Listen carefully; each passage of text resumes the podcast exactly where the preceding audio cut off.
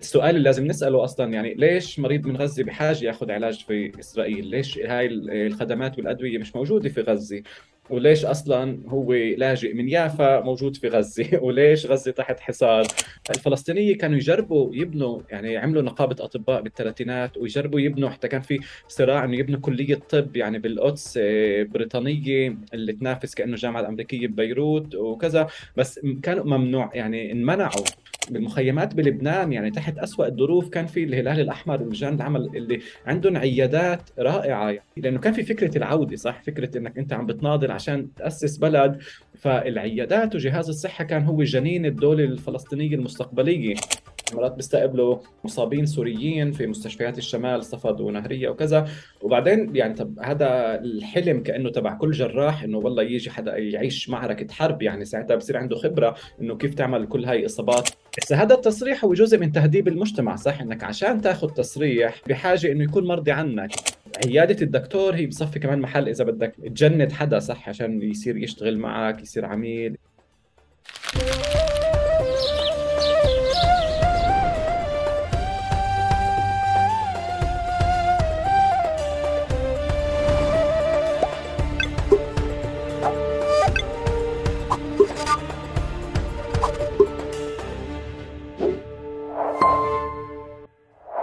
مرحبا واهلا وسهلا فيكم في حلقة جديدة من بودكاست تقارب. آه، حلقتنا اليوم مع العزيز أسامة طنوس. مرحبا يا أسامة. أهلا. شو الأخبار؟ أنت بالعادة بنادوك دكتور أسامة. أسامة الناس اللي على الكنبيات عندك. أسامة. آه. أوكي. وفي في ألقاب أخرى. في أبو كذا في أبو إشي. لا بس أسامة. بس أسامة. بلاش. أهلا وسهلا فيك أسامة. أنت بالعادة بتكون يعني من من من أقوى الناس برضه مثل ضيوفي اللي هم متعودين على اللقاءات اللي اللي يعني واحد اثنين ثلاثة. بس هلأ أنا جاي بدي أفتح لك تشابتر جديد في المقابلات. آه. طيب تعال نبلش. من بترك الضيف أنا عكس كل مرة. بالعادة أنا المفروض أحكي مرحبا أسامة كذا كذا كذا. تعال نجرب نشوف أسامة كيف بيعرف حاله غير كيف بيعرف حاله على البايو اللي موجود في كل مكان. تفضل. أوكي طيب مرحبا. آه، أنا أسامة أنا أسامة النوس. آه، من ترشيحة. آه، وساكن بحيفا. أنا طبيب أطفال وباحث في الصحة الجماهيرية. كفي؟ بدنا لا. لا بدنا نعيد. لا بدنا نعيد بدنا نعيدها بدنا نعيدها ب... ب... من من ترشيحة وجر. هلأ لأنه مشوار سنين في كتير أحداث رح ياخذ لنا ساعة ونص وإحنا بنحكي فيه هلأ مش رح تلخصوا بسطر. آه طيب تمام.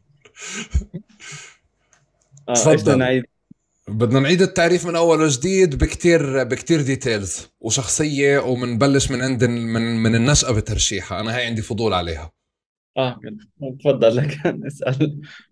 أسأل أنا؟ بدي أرجع آه مرة ثانية أعطي المايك لأسامة يعرف نفسه من الأول بشكل مغاير عن الطرق اللي بيعرف حاله فيها دائما طيب مرحبا أنا أسامة طنوس أنا شاب فلسطيني من آه، ترشيحة آه، ساكن في حيفا بشتغل آه، طبيب أطفال وباحث في الصحة الجماهيرية. وبس. أنت كبرت و... ونشأت في حي... في ترشيحة. ترشيحة. طيب على إذا هذا التعريف اللي أنت بتعرف حالك فيه وهيك مريح لإلك شو التعريف اللي بتحبوش عنك؟ أو شو ال title اللي بتحبش هيك حدا يحكي عنك أو يوصفك فيه؟ آه إحنا دائما بالداخل عندنا حساسية من عرب إسرائيل. آه من عرب إسرائيل. وعلى مستوى بس هاي عرب إسرائيل بتكون بس في في آه لا هي أنت لأنه بتطلع برا أصلا وعندك panels بكل مكان فأكيد بتنحكى لك باكثر من لغة كمان. آه صح فورتي آه. صح إسرائيلي عرب عرب إسرائيل نشأتك كلها في ترشيحة أسامة؟ آه آه أنا يعني بتحبها أكثر أو حيفا؟ لا بحب ترشيحة كتير يعني ترشيحة قرية هيك صغيرة وحلوة بالجليل آه، وحلوة يعني طبيعة لأنه هيك بين جبال الجليل وعن جد لطيفة وحلوة وكمان أهلها يعني بلد كتير لذيذة وصغيرة ومريحة و آه، يعني الناس قريبة على بعض وحميمية فهي بلد كتير حلوة للسكن بس إنه هيك قرية صغيرة وشوي بعيدة عن محلات الشغل فواحد بتركها. والاجيال الجديدة لساتها بتحبها زي ما أنت بتحبها؟ يعني ما آه. بحكي مواليد التسعينات وألفينات عندهم علاقة مع البلد نفس علاقتك؟ آه راشحة كتير فخورين يعني بترشيحها وبحبوها ولأنها بلد كتير مريحة فحتى أكثر من أجيالنا يعني لأنه مع الوقت البلد شوي كبرت صار فيها محلات وين الواحد يقضي وقت ويسهر وكذا. فإذا إحنا كنا نحب نروح على المدن تعرف على حيفا وهيك نقضي وقت الفراغ هسه الصغار بحبوا بيقعدوا بالبلد يعني بيقضوا كمان نهاية الأسبوع وبيسهروا هناك ف متمسكين فيها وبحبوها كثير يعني. طب انت انت شفت اظن لفيت كل فلسطين بعد ما عرفت انه كمان انت زرت غزة. ف آه آه أنا ما أنا ما رحت على ترشيحه بس اذا بدك توصفها وبدك تحكي لنا عنها يعني توصفها توصف شوارعها طبيعتها مناطقها اهلها آه عشان تحببنا فيها. بدنا نعمل ترويج هلا هيك شوي marketing. طيب. ترويج سياسي لا آه، سياحي للبلد. ترشيح يعني هي كثير حلوة وأنت لما تيجي لها من الجنب يعني من حيفا من اتجاه حيفا أو من عكا ف يعني الطلعة كلها حلوة لأنك بتصير تشوف الطبيعة بتتغير من تعرف الساحل الفلسطيني للجبل فبتصير تشوف عن جد الجليل والنواحي الكابري وبعد منطقة كفر ياسيف وكذا. فالطبيعة كلها بتصير خضراء أكثر وبعدين تيجي القرى الصغيرة ففي حدينا معليا وترشيحة. ويعني فكلها محاطة بخضار وفي حديها كمان قلعة قلعة مونتفورت هيك قلعة صليبية ووادي القرن فالمنظر الطبيعي نفسه كتير حلو. وبعدين بتفوت على البلد اللي كتير يعني مع إنها قصفت ودمرت صار فيها كثير أشياء نحكي عنها بس بعد فيها بلد قديمة حلوة وزواقيق حلوة هيك عربية وبيوت عربية وجامع وكنيسة قديمة و... ف... وانت فايت على البلد حال لذيذ ومريح وهي بلد صغيره يعني هيك 5000 بني آدم ف يعني صغيره ومريحه وكله بيعرف كله فأول ما تفوت على البلد هيك بتحس إنك بين أهلك وناسك إيه، لا لطيفة وحميمية يعني إمتى غادرتها أنت أول مرة؟ الكل يجي على ترشيحة يعني عن جد آه. هذا زي التيك توك مقاطع تيك توك وال reels حبيبي كم visit ترشيحة هيك بدك تعمل انت هلا آه. إيه، إمتى غادرتها ترشيحة؟ آه، بجيل 18 يعني بس خلصت آه، مدرسة بس خلصت صف 12 وانتقلت للجامعة فبالأول نقلت على حيفا بعدين على تل أبيب آه، طيب ترشيحة هي من البلاد اللي أنا كيف بعرف يعني فيها رموز كتير فلسطينية فيها عائلات وطنية فمش مش البلد اللي بعيدة عن عن فلسطين أو منشغلة بتفاصيل بعيدة عن فلسطين. فأنت ما نشأت نشأة آه، بالضرورة غير إنه يعني عائلتكم وبيتكم بيت وطني بس ما نشاتوا بنشأة بعيدة عن عن فلسطين والوطنية. بس بدي أجرب أمسك معك مجموعة مشاهد. قبل ما طلعت على جامعة تل أبيب يمكن صح؟ جامعة تل أبيب. قبل ما طلعت على جامعة تل أبيب اللي عززت عندك آه، الفلسطيني اللي جواك أو حولته لمشكلة؟ إيه آه فترشيحها بفكر يعني إيه هيك بترمز لكثير لكل شيء بيصير بفلسطين على على نموذج مصغر يعني كمان لأنها بلد إيه كيف قلنا يعني إسا هي صغيرة بس إيه بال 48 كانت كانت 5000 تقريبا زي إسا. ولما تربى يعني على وقتي لما ربينا بترشيحة إيه الأشياء كثير واضحة. أنت بمعركة بقاء يعني إنه في ترشيحة في عندك معركة مع هدول الوحوش اللي عم بيسيطروا على أرضك حواليك. ففي حديها مع لوط في حديها كفر يعني كم من بلده يهوديه مستوطنه يهوديه مع لوط فرفردين معونا اللي كلهم انبنوا على أراضينا وكلهم عم من كل الجهات عم بحوطونا.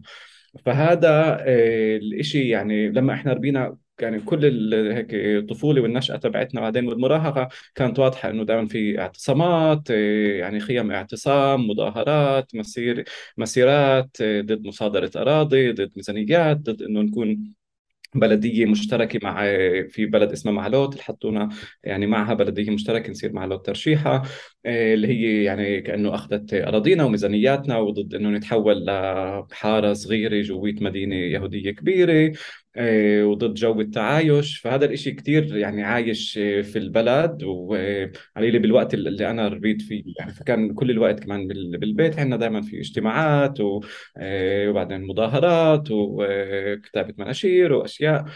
فهذا يعني الفكرة إنه في حدا عم يجرب يسيطر على أرضك وعم يجرب ياخذ شيء منك وإنت لازم توقف ضده. هو كثير يعني موجود في الصميم بشكل عضوي. هيك خلص شيء يعني تربى معه. ومن جهة تانية يعني بعدين لما هيك الواحد بس يكبر أكثر ويعني يتسيس أكثر بفهم البعد الثاني اللي هو النكبة تبع الترشيحة اللي هو بعدين يعني بترشيحه دائما كان فيها حركات آه، سياسية وشيء بس على وقت بعدين كان في حركة شباب ترشيحة اللي هي آه، جربت يعني كمان تعمل حراك جوية البلد أسست شيء اسمه يوم ترشيحة اللي آه، ساعتها فيه من عيد ذكرى سقوط ترشيحة في النكبة ونحكي كمان عن تهجير أهاليها ف يعني في كمية هائلة عشرات الألاف من أهل ترشيحة اللي لسه موجودين كلاجئين بمحلات مختلفة بالعالم. فبعدين بتزداد هيك آه، يعني طبقات من الوعي إنه لا هي مش بس قصة معركة على الأرض هي قصة اللاجئين اللي تهجروا بيقدروش يرجعوا قصة الناس اللي كمان تهجروا من محلاتهم وإجوا على البلد عندنا ففي مثلا ناس من عرب نعيم أو من بلد اسمها آه، عمقه آه، العمائن اللي كمان هن بالنكبة يعني بالنكبة وبعد النكبة تهجروا وأراضيهم سرقت وإجوا على البلد وعايشين ك يعني اسا مختلطين ويعني اندمجوا كليا بس في أبعاد مختلفه اللي بتبني يعني بتصقل هويتك الوطنية وبتفهم شو الأشياء عم بتصير وكيف كيف الأشياء مركبة. بس بنفس الوقت البيئة اللي هي مريحة مش يعني مش منهكة لأنه البلد كيف قلنا هي بلد فلسطينية 100% ويعني ففيش عندك اختلاط مع الإسرائيلي مش زي مثلا محلات زي عكا أو يافا أو اللد اللي بتشوف هذا عنف مرات المستوطنين أو جنود أو شيء قدامك فأنت بتشوفونش يعني بتشوف البلدات حواليك بس بتعرف إنهم إنهم موجودين بس بيئتك أنت بتحبها وهي بيئة مريحة وآمنة. فبتخيل هذا هيك عمل يعني خلطة يعني منيح مريحة لهيك لجيلي اللي كلنا ربينا بهذا الإشي وكان واضح إنه يعني كثير من أولاد جيلي وأولاد صفي هيك بنروح على الجامعة بس كثير منهم بيرجعوا على ترشيحها عشان بحبوها بحبوا يسكنوا فيها بحبوا يكونوا جزء من حراك آه، سياسي فيها لأنه فيها إشي عم بيصير يعني. أوكي.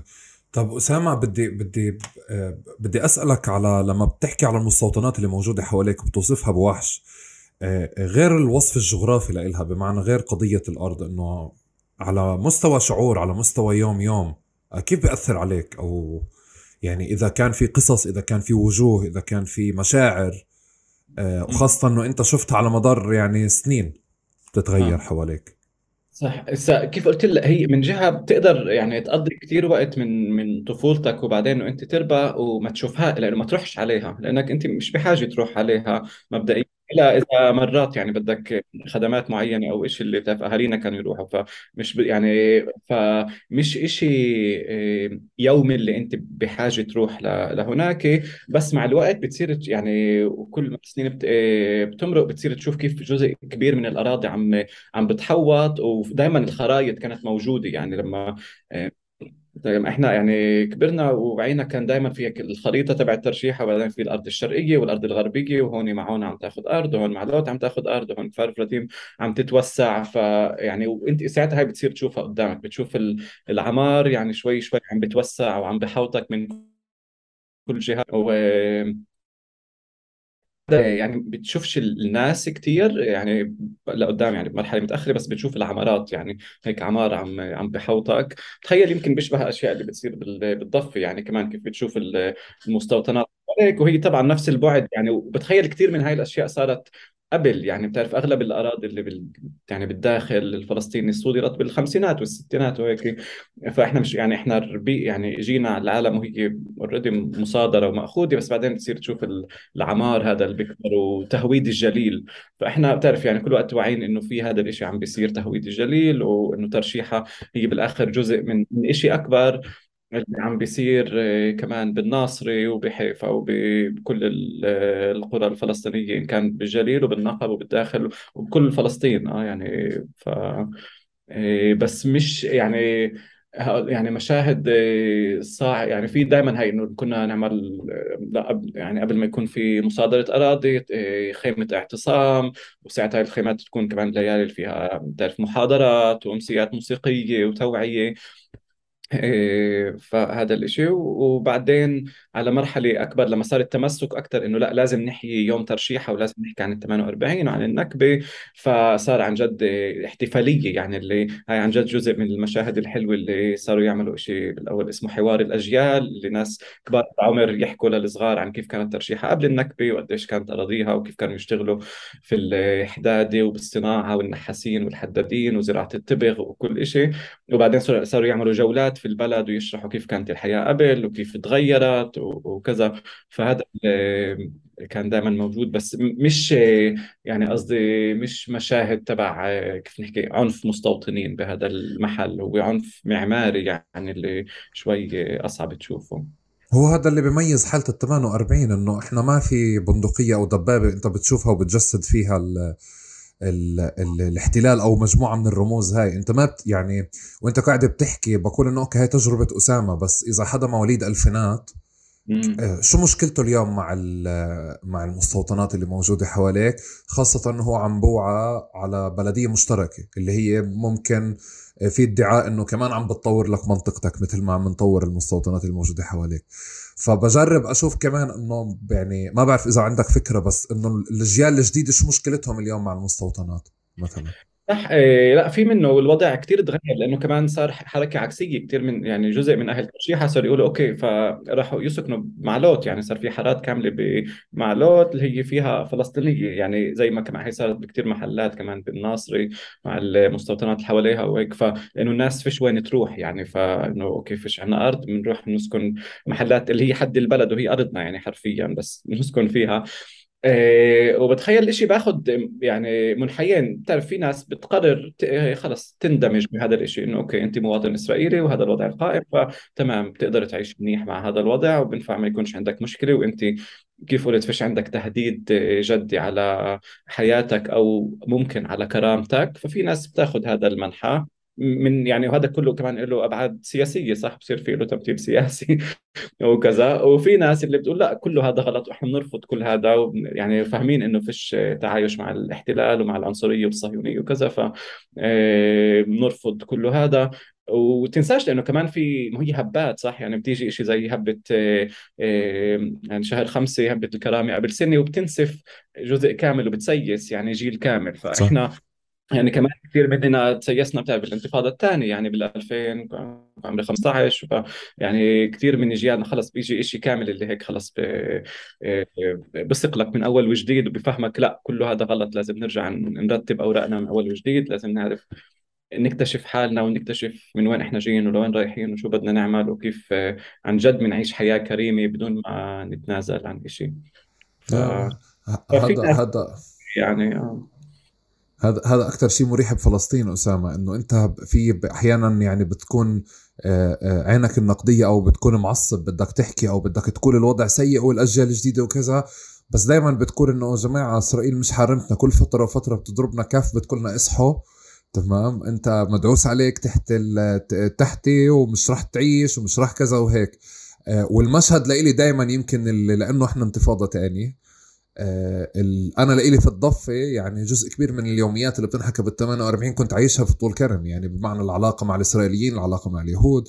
آه كيف بيجوا بيشتروا منا بالويكند كيف إحنا بنحضر حالنا أصلا لفكرة جيتهم. آه بعدين كيف بتصير في علاقات موجودة كيف بصير في حدث الانتفاضة فسخ العلاقة وأسس لشكل جديد من فلسطين يعني. آه، آه، ودائما هيك زي السنة اللي بتيجي ما بترجع لورا ما في شيء برجعنا لورا يعني على مستوى العلاقات أو على مستوى الصور. مش متأكد مرات بحس في هيك مد وجزر تعرف كيف؟ يعني في زي حراك وطني وبعدين تحس في تراجع في الحراك الوطني ولا بصير في موجات أسرلة وموجات هيك من الناس اللي يمكن إحنا بنحسها أكثر بالداخل لأنه في يعني في ناس في مكنة كاملة بتشتغل على هذا الشيء إنك أنت بتقدر تندمج في المجتمع الإسرائيلي وتعيش منيح وتكون طبقة وسطى ويكون عندك داخل منيح وسيارة منيحة وتعرف آه، بهدلش وبتخيل هذا الشيء موجود كمان بمحلات بالضفه يعني كمان بتعرف فقاعة رام الله ومحلات ثانية إنه okay بنفع تعيش منيح تحت الاحتلال وأشتغل ب NGO وامرق بال PA يعني دائما في هيك طبقات من المجتمع اللي ممكن تتعايش بس بعد يعني مد وجزر أشياء بتيجي هي أنا أنا أنا أنا أنا بفكر إنه مد وجزر بكيف أنت حكيت بس أنا كان قصدي الشكل نفسه ما برجع مرة تانية باخذ شكل تاني. آه. يعني بمعنى إذا بدك تاخذ مثلا حوارة والمستوطنات اللي موجودة حواليها اللي هي على ما بين نابلس ورام الله أو تابع لنابلس في مستوطنين بروحوا بيجوا يعني بس قصص الناس عن وجود المستوطنين عن التعاملات معهم ولا مرة بتكون نفس الشكل. كل حادثة بتيجي بتعمل شرخ وبتأسس شكل جديد. في محاولات دائما كيف أنت حكيت للدمج والتعايش حتى بفكر يعني ب أو أو أو الاسرله كمان والتطبيع بكتير أماكن بس كل مرة هيك بكون في في شكل جديد. مش نفس الأدوات ومش نفس الأساليب يعني. صح صح. آه والاجيال نفسها بتتغير وكمان الإسرائيلية بتغير يعني كيف يعني مع الوقت فكل الصدام هذا بتغير. آه. طب أسامة سؤال الطب أنت من وين جاي عندك؟ إيه يعني كنت تحلم وأنت صغير تكون طبيب. لا لا لا ابدا. شو كنت إيه، بدك تكون؟ موجود كثير بال يعني بالداخل إنه أي حدا بنقبل طب بفوت طب. يعني بدون ما تفكر هقول لك يعني إنه بجيل 18 كنت عارف بالضبط شو أنا بدي لا و... لسه قبل قبل. ارجع لي قبل 18 لما كانوا بيسألونا الأسئلة هذه أو لما تكبر شو بدك تكون؟ آه يعني شو كانت تصوراتك عن نفسك؟ كنت أحب أكون مرشد سياحي. أنا عن جد بحب السفر وبحب ألف بالعالم وكنت عن جد يعني بحب أكون مرشد سياحي وألف بالعالم وأتعرف على محلات جديدة وأشرح ل هيك لمجموعات عن محلات جديدة. فدائما هي كان هوايتي وحلمي. بس هيك بسرعة بتفهم إنه يمكن تقدرش تعيش زي ما بدك من هذا الإشي وخلص هيك. بعرفش كيف بصير في مرحلة اللي هيك اللي تفوت على كلية الطب تلاقي طريقك إلها. بتلاقي حالك في الطب. آه.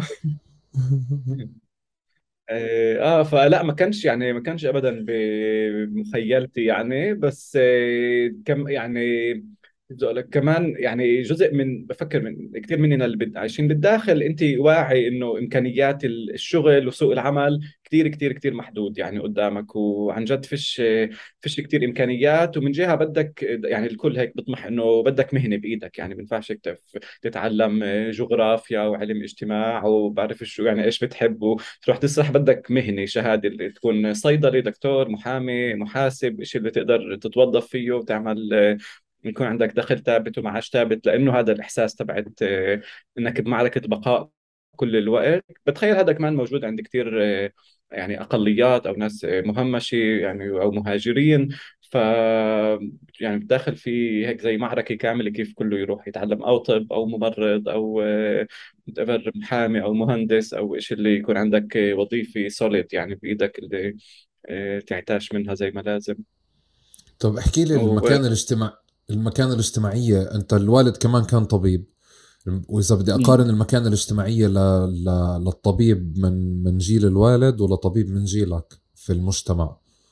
آه، المكانة الاجتماعية هذه اللي كانت موجودة. ما زالت موجودة وحاضرة أو أو أقل أو أكثر يعني لا هي تغيرت نوعا ما. إيه، أبوي آه يعني كان دكتور طبيب أطفال وأمي ممرضة وكثير هيك من العائله بيشتغلوا يعني أو آه، يعني طب أو تمريض أو شيء بتخيل يعني كثير من العائلات بالداخل آه، جزء منهم هيك.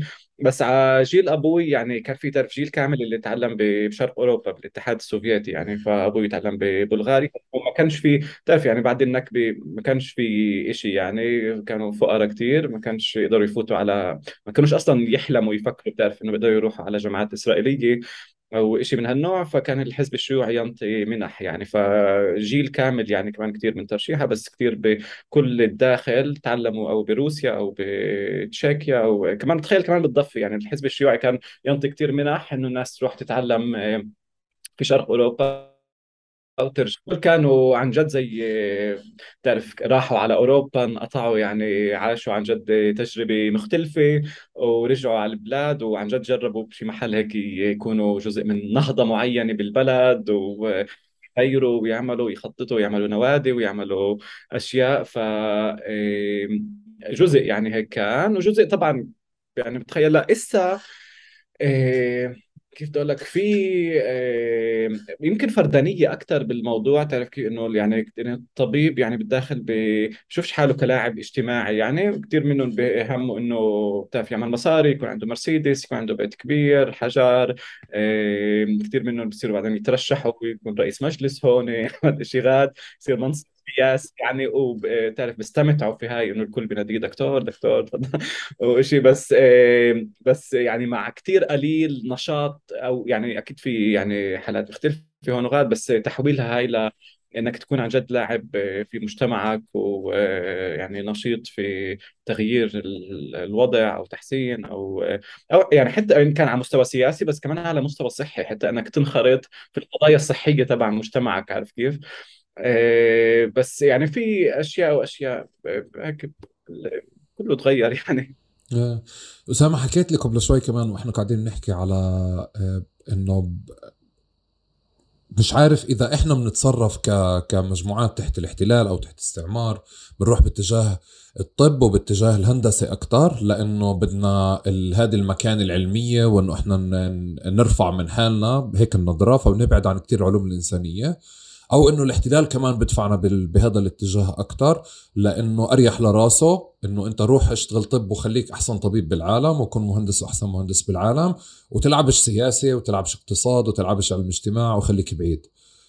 آه، المعادلة المعادلة عندنا إحنا كيف؟ آه لا 100% وهذا حتى مكتوب عنه يعني وإسرائيل بشكل واضح يعني كان هدفها إنه بدهاش تخلق تعرف فئة هيك مثقفة من الناس اللي هم متعلمين علوم سياسية وفلسفة وعلم اجتماع وعلم نفس وبيحكوا بهاي المواضيع لأنه هذا كثير شيء مزعج لها ضجة صح؟ من ناحيتها كثير أريح.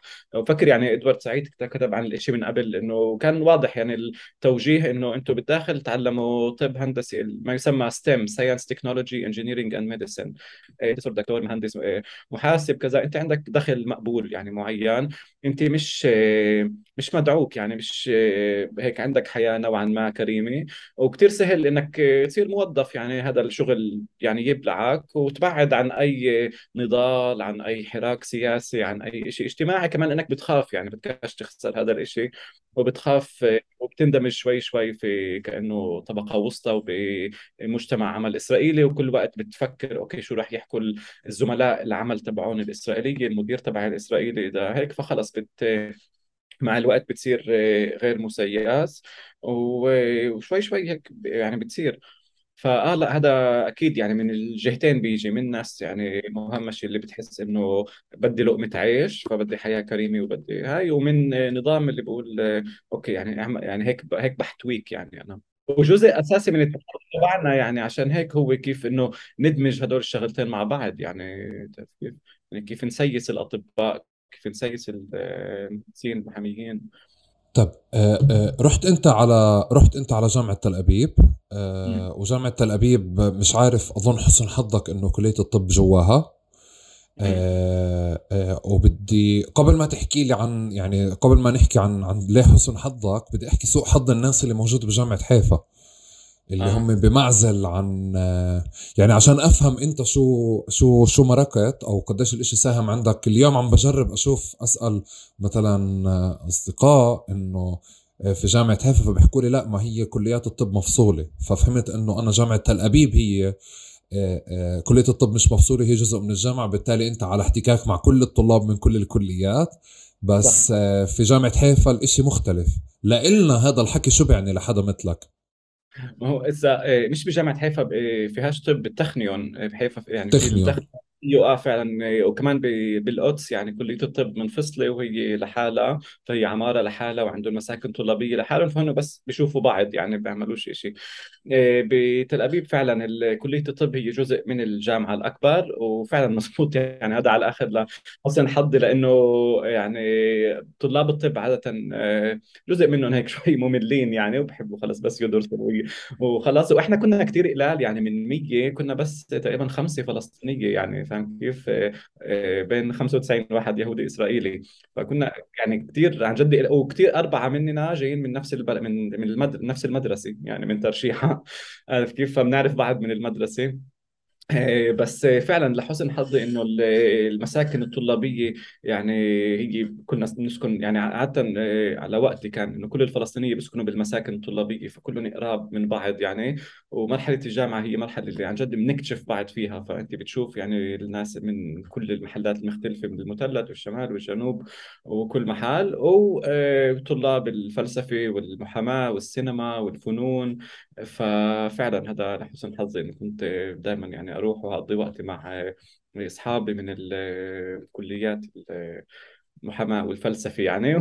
صار يعني والنشاط الطلابي تبعنا كمان لأنه فيها يعني على وقتي أنا بديت بال 2004 أتعلم فكان بعد الانتفاضة الثانية بعد ما كل الحراك الطلابي بالداخل يعني أكل الهواية منيحة بعد الانتفاضة وكان سكت يعني تعرف كيف؟ لأنه كمان كان في كثير عنف بالجامعات وكذا ف ومن جهة ثانية كان في كتير خوف يعني فولا حدا بده يطلع بحطة على الجامعة ولا حدا بده يرجع يعني يرفع علم فلسطين تعرف بالجامعة يعني. لأ كان في بعد تفجيرات يعني ببساط أو بأشياء فكان من جهة كثير حذر آه، من هذا الموضوع. بس من جهة إحنا كان عندنا آه، شغف إنه لازم نرجع نعيد بناء الحركة الطلابية الفلسطينية. يعني وكان في يعني شانس إنه ما كناش معزولين طلاب الطب لحالنا. كنا بالعكس آه، يعني محاطين بكل الرفاق وبدينا في يعني بتأسيس بإعادة يعني تنظيم وبناء العمل الطلابي يعني الفلسطيني ونعمل لجنة طلاب عرب وأحزاب وانتخابات مظاهرات مسرحيات. هذا كان يعني جزء أساسي من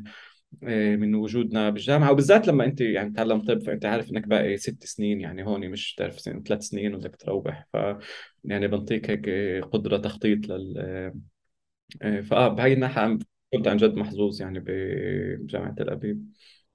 آه، أصدقائك المفضلين بالجامعة كانوا من أي كلية؟ آه إيه، محاماة وفلسفة. محاماة وفلسفة. وشوي سينما وعلوم سياسية. طيب أسامة شو كمان في؟ يعني أنا شوف شو أسامة النص أسامة النص إحنا بنضل نقول إنه يعني آه، إنه بدنا نحكي في كذا فبيحكوا لنا أسامة النص بدنا نحكي في كذا له علاقة بالصحة وبالطب أسامة النص أنا أنا أنا بفكر إنه أسامة النوس هو يعني غير إنه واضح لي جدا إنه حدا كتير عنيد بس عناده زاد على مدار السنين. هلأ من هون لآخر الحلقة بدي أشوف المحطات فيها. بس كمان بفكر إنه في معطيات موجودة بحياتك وعوامل آه، يا إما خارجية مثل تجربة اعتقال أو تجربة احتكاك أو تجربة تظاهر ما أو الأسرة اللي أنا أو الجامعة أو الكذا اللي طول الوقت قاعد ببحبش شو الأشياء اللي ما خلتكش تكون طبيب عادي. يعني طبيب انت بتشتغل طبيب موجود بس مش جزء من الصورة التقليدية اللي هو يعني مش بطولة فكرة إنه أنت مش داير ورا المرسيدس أو إنه ما بدكش أعلى راتب بالعالم أو مش هي أهدافك وطموحاتك بالقصد إنه في مسار واضح لي إشي أنت عم تختاره وإشي عم بأثر عليك. لحد هذه المرحلة لحد هذه المرحلة. تفكرونه مشهور يعني تقول اسامه لا أنا أنا ابدا يعني إحنا بس لأنه كنا الفلسطينيه كثير صغار على بعض فتعرف يعني لا لا لا انساك من الناس أنا بحكي. ثلاثة أربعة بيحكوا صحة ف لا يعني لا أو, أو أول شيء لا تنفيش الادعاء هذا هذا ادعائي أنا لأنه أنا عم بحكي معلومة هلأ. يا جماعة إحنا شغلة لما بدنا نحكي عن عن الصحة والطب في مناطق 48 آه، آه، آه، يعني الأصدقاء أو أو حتى بداوا الدوائر الإعلامية والصحفية بنحكى اسم أسامة طنوس ففي شيء طبيعي عند الصحفيين بقولوا ما فيش غير أسامة وأكيد في غير أسامة بس بنحب نحكي مع أسامة. يعني هيك الفكرة. يعني إحنا لا عن جد فيش كثير كلنا بشكل عام يعني كمان إن كان بالضفه أو بغزة فبهي المجله النيش يعني الصغيرة. فا إيش يعني يعني كل تجربتك قلت لك يعني كانت مش بتخيلش كثير مختلف. أنا بشوف حالي كثير بشبه يعني يعني جزء من حراك عام ومن جيل عام. أنا كثير بشبه يعني جيلي اللي كثير من من أولاد صفي إن كان بترشيحة أو بعدين بالجامعة اللي كل الوقت كان في آه، يعني هذا الحراك السياسي والانخراط إنه بدنا نعمل شيء مفيد. يعني بدنا نعمل شيء اللي ذو معنى وبدنا إنه يكون لحياتنا شيء معنى غير غير الحياة الشخصية غير إنك تروح تشتغل تجيب مصاري وتفر تعمر أو تسكن أو تشتري بيت وتكمل حياتك. بدك يعني إيه، يكون حياة إيه، صاحبة معنى اللي كمان تفهم من وين أنت جاي لوين أنت رايح وشو دورك في المجتمع. فهذا شيء موجود بشكل عام. أنا كان عندي الحظ يعني إنه هقدر آه، أجمع هاي الأشياء بطريقة اللي يعني ادمج وكنت محظوظ يعني. أنا ربيت قلت لك يعني بيت المسيس اللي خلاني أول شيء ما أخافش يعني أحكي بهاي المواضيع وما مش كل الوقت أخاف إنه لا تحكيش سياسي وبتعرف الحيط الحيط يا رب الستره وكذا. فلا ما تكونش هيك يعني. دائما تكون في في الواجهة وتكون جزء من الحراك والانخراط. ربيت بحزب معين يعني على وقت ربيت بالتجمع يعني فترات المراهقه يعني المدرسة الإعدادية وبعدين بالجامعة. فكمان ربيت بحزب وبين رفاق حزبيين اللي اللي دائما كان هاي الفكرة إنه إحنا جزء من جيل معين اللي عنده دور معين يعني عارف كيف؟ يعني مش في يعني في أوكي جيل سيادنا جيل النكبة اللي جيل اهالينا اللي عاشوا تحت حكم عسكري. إحنا إجينا على هاي الدنيا يعني مش عايشين تحت حكم عسكري ومش متبهدلين مش كذا ففي عندنا دور إنه نصعد الخطاب الفلسطيني نطوره نبني مجتمع بشكل مختلف إن كان عن طريق جمعيات أو نقابات أو أحزاب أو ففي عندك دور معين في في المجتمع. بس بتعرف زي كل الحركات بفكر بفلسطين بشكل عام يعني بصيبك إحباط يعني كل الناس اللي بتجرب تشتغل أي شيء ب... لأنه ولا شيء بتغير صح؟ بتشوف إنه الوضع كل الوقت أو عم بسوء أو عم ب... عم بيصير آه، أكثر محبط من كل النواحي صح؟ كمان عربيا يعني بعد الربيع العربي بعدين كل شيء ما اجى بعد الثورات المضادة وكذا. ففي كثير أشياء اللي يعني اللي جيلنا مرق فيها وخيبات أمل اللي بتخليك خلص يعني تعرف تترك كل شيء بس في قلال مننا اللي بيقدروا يعني وأنا كنت من المحظوظين هدول اللي قدرت يعني من جهة آه، آخذ تعليمي يعني تبع الطب آه، وتجربتي يعني إن كان بالمدرسة وبالجامعة وفي آه، وبعد الجامعة. ومن جهة أدمجها في يعني وعي سياسي معين. أقول يعني وافهم بالأساس أنا مش عم بجيب شيء جديد يعني. أوكي. إنه أفهم كيف إنه الطب وكل الصحة تبعت الفلسطينية في لها سياق سياسي فتعال نحكي عنها يعني. وتعال نجرب نفهم صحتنا في السياق السياسي والاجتماعي اللي إحنا عايشين فيه اللي هو شيء كتير طبيعي يعني. تعرف كيف يعني؟ بكل محل في العالم آه، الناس هيك بتصير تفهم إنه الناس هيك بتجرب تعمل. يعني إن كان آه، عم تحكي عن صحة العمال وقت الثورة الصناعية أو صحة الفلاحين وقت الإقطاع أو صحة السود تحت آه، العبودية أو بعدين لما تحت الفصل العنصري أو صحة الأصلانيين في أستراليا. فبكل محل كان في ناس بتجرب تفهم صحة المجتمع تبعها في سياق ليش إحنا هيك؟ ليش عم نموت بهذا الشكل؟ ليش من صحة المستعمرين أحسن؟ ليش إحنا هالقد آه، وضعنا صعب؟ يعني ف آه، فاهم بس بدك يعني إنه أنا كنت محظوظ إنه قدرت أرتب هاي الأشياء في طريقة وهقدمها للناس للجمهور إن كان عن طريق يعني مقالات أو حركات أو شيء اللي نجرب نعمل شيء آه، هو إبن سياقه يعني عارف كيف؟ فهي التجربة اللي اللي صقلتني يعني كل الوقت وفعلا بشوف حالي بس إنه كثير محظوظ يعني اللي كان عندي بيئة داعمة ومحبة والناس اللي تعرفت عليهم بطريقي وعوني وعن جد دفشوني لقدام بمحل مختلف وكثير ناس بصح لهاش هذا الإشي ببساطة يعني. طيب أسامة كمان بالإضافة لهذا الحكي وأنا هيك قاعد بحضر وبحبش لك بحبش عليك.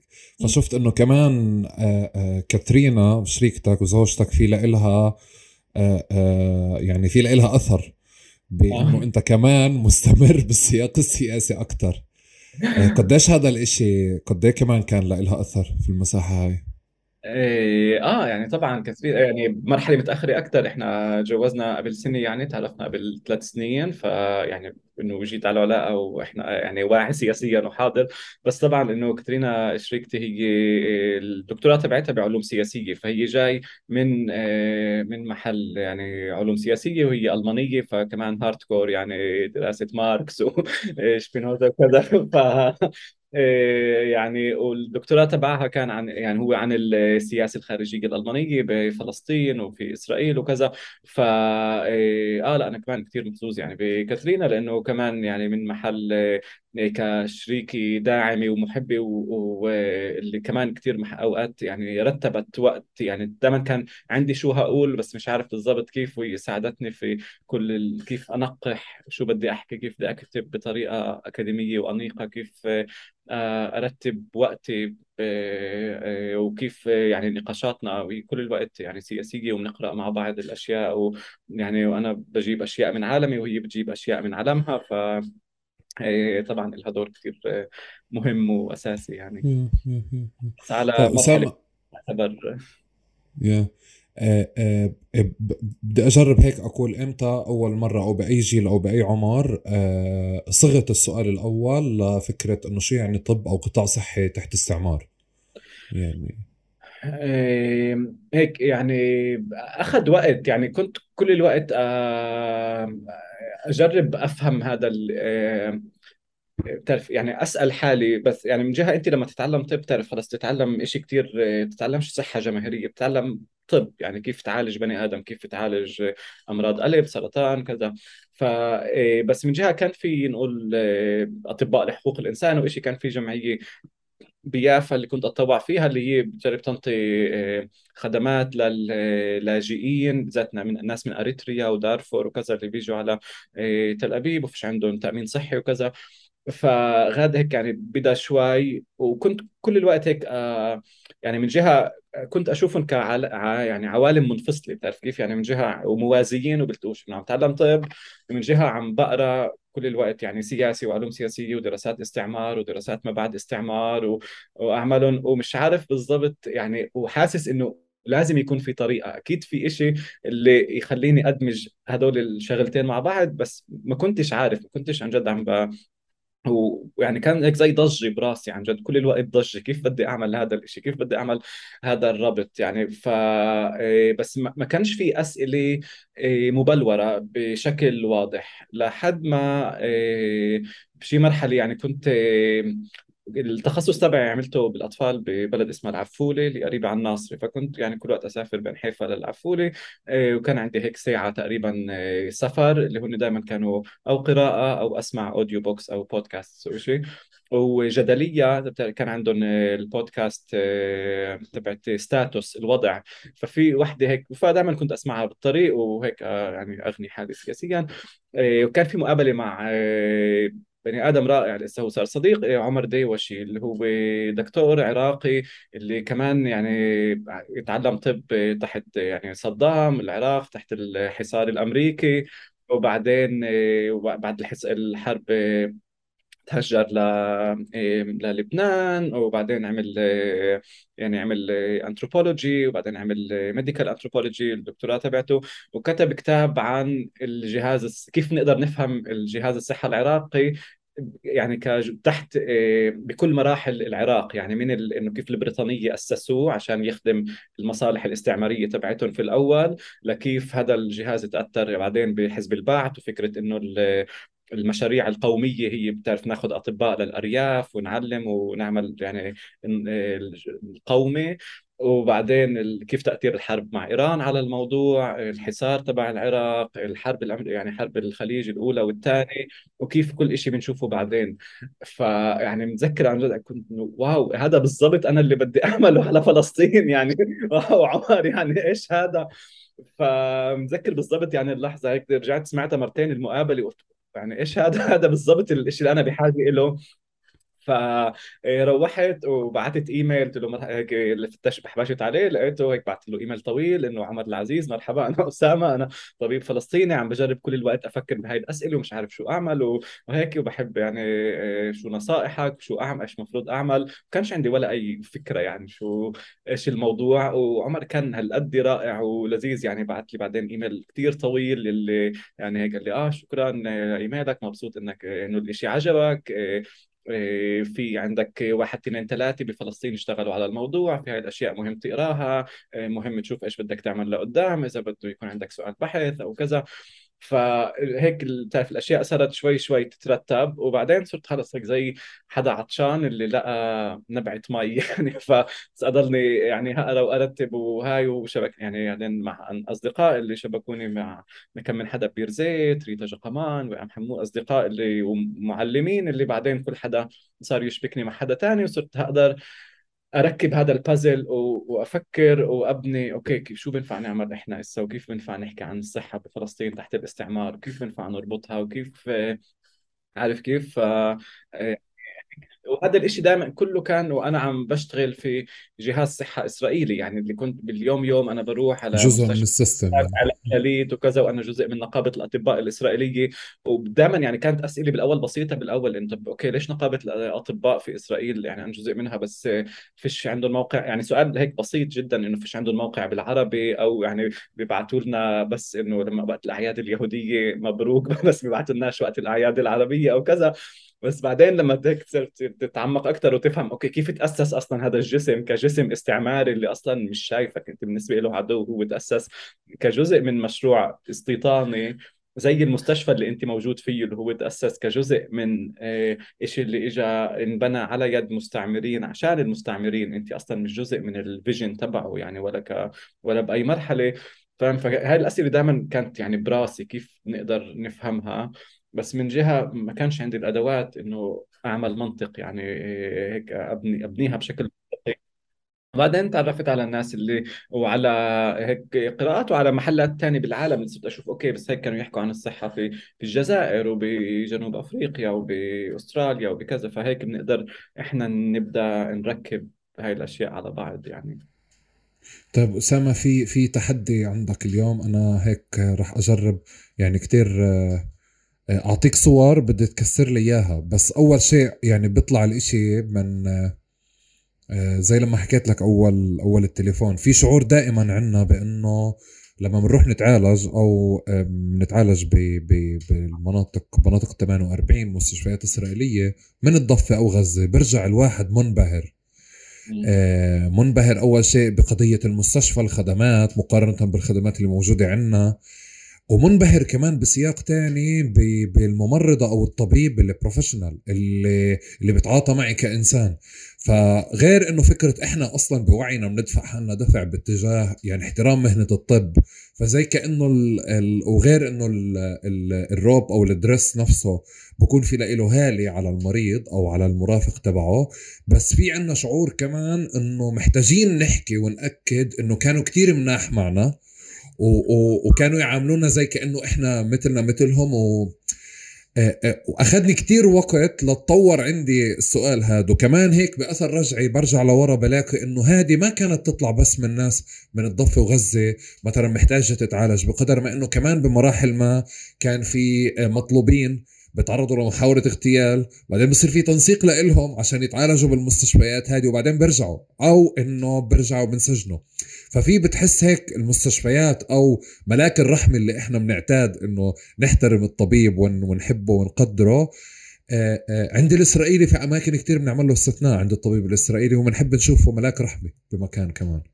صح هذا الشيء اللي كثير كان يخربطني يعني بفترة التعليم. قلت لك أنا يعني تعلمت بتل ابيب كنت أشتغل بمرحلة معينة بإخلوف وبال يعني كذا مستشفيات بالمركز. ودائما بتشوف يعني بالذات قسم الأطفال سرطان الأطفال أو السرطان في عندك المرضى اللي جايين من غزة أو جايين من الضفة. ومن جهة أنت يعني بتفهمش آه، شو عم بيصير هون. يعني من جهة إنه بال يعني بالفهم اللي كثير هيك أساسي وأولي إنه wow ما احلاه بتعرف إنه عم بنطوا آه، خدمات لل عم بنطوا علاجات سرطان اللي هي مش متوفرة بغزة عم بنطوها لل آه، للطفل هذا اللي من غزة. في إشي منيح يعني okay؟ إيه طب بس بعدين تصير تفهم okay بس ما هو ما هو نفسه هذا الولد يعني بعالجوه وبيرجعوه على غزة يعني عشان ينقصف ويموت بقصف يعني. فكيف هذا ال... ويعني وأنا بعرفهم هدول الناس اللي بيعلموني وهن نفسهم جنود وبيروحوا على الجيش وهن جزء من جيش الاحتياط يعني وهن أولاد صفي وكذا. فباخذ يعني كثير وقت عبين ما تبدأ تفهم هذا يعني ولحد هسه بتعرف كيف هاي الصورة اللي كثير مركبة إنه ليش أصلا هذا الإشي إيه، موجود. يعني ودائما هيك كنت يعني إيه، أجرب. يعني هيك مع حدا من أصدقائي اللي هو بيعمل animation وفن إنه هيك بنحاجي نعمل بتعرف زي revolving door هيك هاي الابواب اللي بتدور هيك إنه الولد من غزة بيجي من غزة.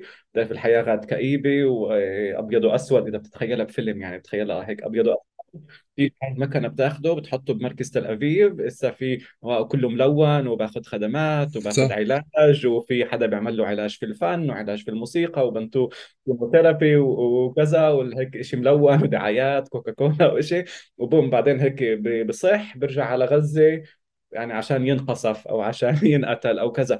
فكيف بتقدر تفهم هذا المنطق أصلا؟ يعني باخذ كثير وقت يعني لحد ما تفهم بالآخر إنه يعني الطبيب وكل مستشفى هو جزء من من جهاز يعني أوكي؟ هو مش مش شيطان ومش ملاك بس هو جزء من جهاز استعماري. وكل يعني طبيب بشكل عام يعني عشان نفكك العنصرية والاستعمار بدكش تطلع على هاي لحظة اللقاء الأول بين الدكتور والمريض لأنه أغلب الدكاترة لما يشوفوا مريض رح يكونوا لطفة يعني بالآخر المريض نفسه مش عدوك يعني باللقاء هذا الأولي بالذات إذا هو طفل بالذات إذا هي امرأة بالذات إذا إذا كذا فبتعالجه بس هو جزء من جهاز اللي هدفه إيه، يعني السؤال اللي لازم نسأله أصلا يعني ليش مريض من غزة بحاجة يأخذ علاج في إسرائيل؟ ليش هاي الخدمات والأدوية مش موجودة في غزة؟ وليش أصلا هو لاجئ من يافا موجود في غزة؟ وليش غزة تحت حصار؟ وليش إيه، حتى لو هي تحت حس يعني مش عم بفوتوا عليها الأدوية وكذا؟ يعني فباخذ لك وقت لتفهم كله هذا كيف مركب وكل هذا الأبارتهايد الصحي نوعا كيف مركب وإنه بشكل عام المستعمر يعني هو مش عامل لك منيحة واجبه إنه ينطي خدمات للشعوب اللي هو بيستعمرها. يعني هذا شيء ألف باء في كل القوانين القوانين الدولية إنه الاستعمار الفكرة تبعته إنه عشان ما ما يستمرش للأبد هو المفروض يكون مكلف للمستعمر والمستعمر عنده واجب جزء من واجباته إنه ينطي خدمات صحة للناس اللي هو بيستعمرها فهو مش عامل لك منيحة وبالذات بهون إنه الفلسطينيين بيدفعوا يعني السلطة بتدفع حق هاي الخدمات yeah, yeah, yeah. مش عامل لك منيحة بس أكيد باخذ كثير يعني وقت ومجهود لتفكك يعني هاي المعادلة كلها وتقدر تفهمها زي ما لازم إحنا إيه. إحنا بحالتنا مش مش بس اخذونا يعني وبقدموا لنا خدمات إحنا حولونا لمج... لزباين لخدمات تجارية آه. صحية يعني. هلأ هاي بدي أجيلها بس بدي أرجع مرة تانية للرداء الأبيض لملائكة الرحمة. أنا محتاج أفككها تماما. بنفع ال ال ال أنا لما بدي أنزل أتعالج آه آه هو ممكن يكون يعني الطبيب هذا نفسه ممكن يكون آه، أنا أكون معه في معركة في مكان تاني بس بالمحل هذا أنا مش في معركة لهيك بتختلط الصور معي. تمام؟ صح. بس إذا بدي آجي أطلع على شوي على الكواليس العلاقات الطبيب العربي اللي لابس كمان رداء أبيض آه، شو موقعه من الإعراب بالمساحة هذه؟ يعني اللي هو كمان المفروض أنه عامل كل إشي عليه عشان يكون جزء من هذه أو, أو, أو بشوف أنه جزء من تطوره المهني والحياتي هو أنه يكون جزء من السيستم. آه، النظام نفسه كمان عنصري تجاه الأطباء العرب. أكيد يعني بكل المراحل. وأنا هاي يعني لما تعلمت بتل ابيب تقريبا كان في كثير قليل أطباء عرب. يعني وإحنا بقول لك بالصف إحنا كنا خمسة بس من 100 وشوي ولما تروح على المستشفيات بالمركز يعني كان في كثير قليل أطباء آه، أطباء عرب. فما كناش عن جد نشوف هاي الديناميكية. بعدين بس نقلت لحيفا اللي فيها كمية هائلة من الأطباء العرب بكثير محلات مديرية أقسام مديرية مستشفيات ناس اللي عن جد في محلات يعني متقدمة وكذا. بتفكر إنه واو في شيء هون يعني ظابط. وهيك اسرائيل بتلعب كثير على هاي الوتر انه انه 20% من الأطباء فيها هن فلسطينية ومندمجين منيح وبمحلات آه، كذا وفي في منه يعني في ناس اللي هن مندمجين منيح ومحلات إدارية بس يعني وهي بتكتشفها أكثر لما يكون في هبات أو يعني أحداث سياسية. شو ما كان يكون هن بضلهم ضيف حد حدر. يعني أنت هذا أنت حتى يعني مش مهم شو وين ما تكون بهاي العيادة بهذا الجهاز أنت بتضلك تتصرف ك يعني حدا ضيف بحذر. يعني دائما تهتم إنك ما ما يطلعش منك ولا أي شيء تكون يعني مش سياسي ابدا. ما تحكيش ولا أي كلمة. فيش عندك واجهة لما يصير في قصف على غزة. بتقدرش تحكي إشي بالموضوع بتقدرش هاي. ويعني وبعدين يعني خلال التخصص صرت أفهمها أكثر إنه نقول الإسرائيلية بيقدروا يحكوا بكل أريحية بتعرف إن كان هن يعني بيروحوا على الجيش بيروحوا يعملوا استك يعني استكمال وبيرجعوا أو إذا هن يمين أو يسار أو شو ما بدهم بيحكوا بأريحية. فلسطينية أهم شيء ما تحكيش سياسي يعني شو ما كان يكون ما تحكيش سياسي تعال اشتغل اعمل شغلك بإتقان بحذر وروح وكون يعني.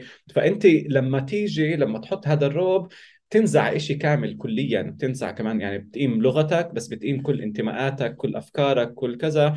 وبتتعلم تت... يعني مجبور شوي شوي تبدأ تتعايش مع كل رموز العسكرة. ما هو كل شيء الفضاء هذا معسكر يعني إن كان من إعلام إسرائيل والرموز وال... والقوانين وأسامي المستشفيات أس... يعني على جنرالات حرب تعرف أسامي المحلات كلها ال...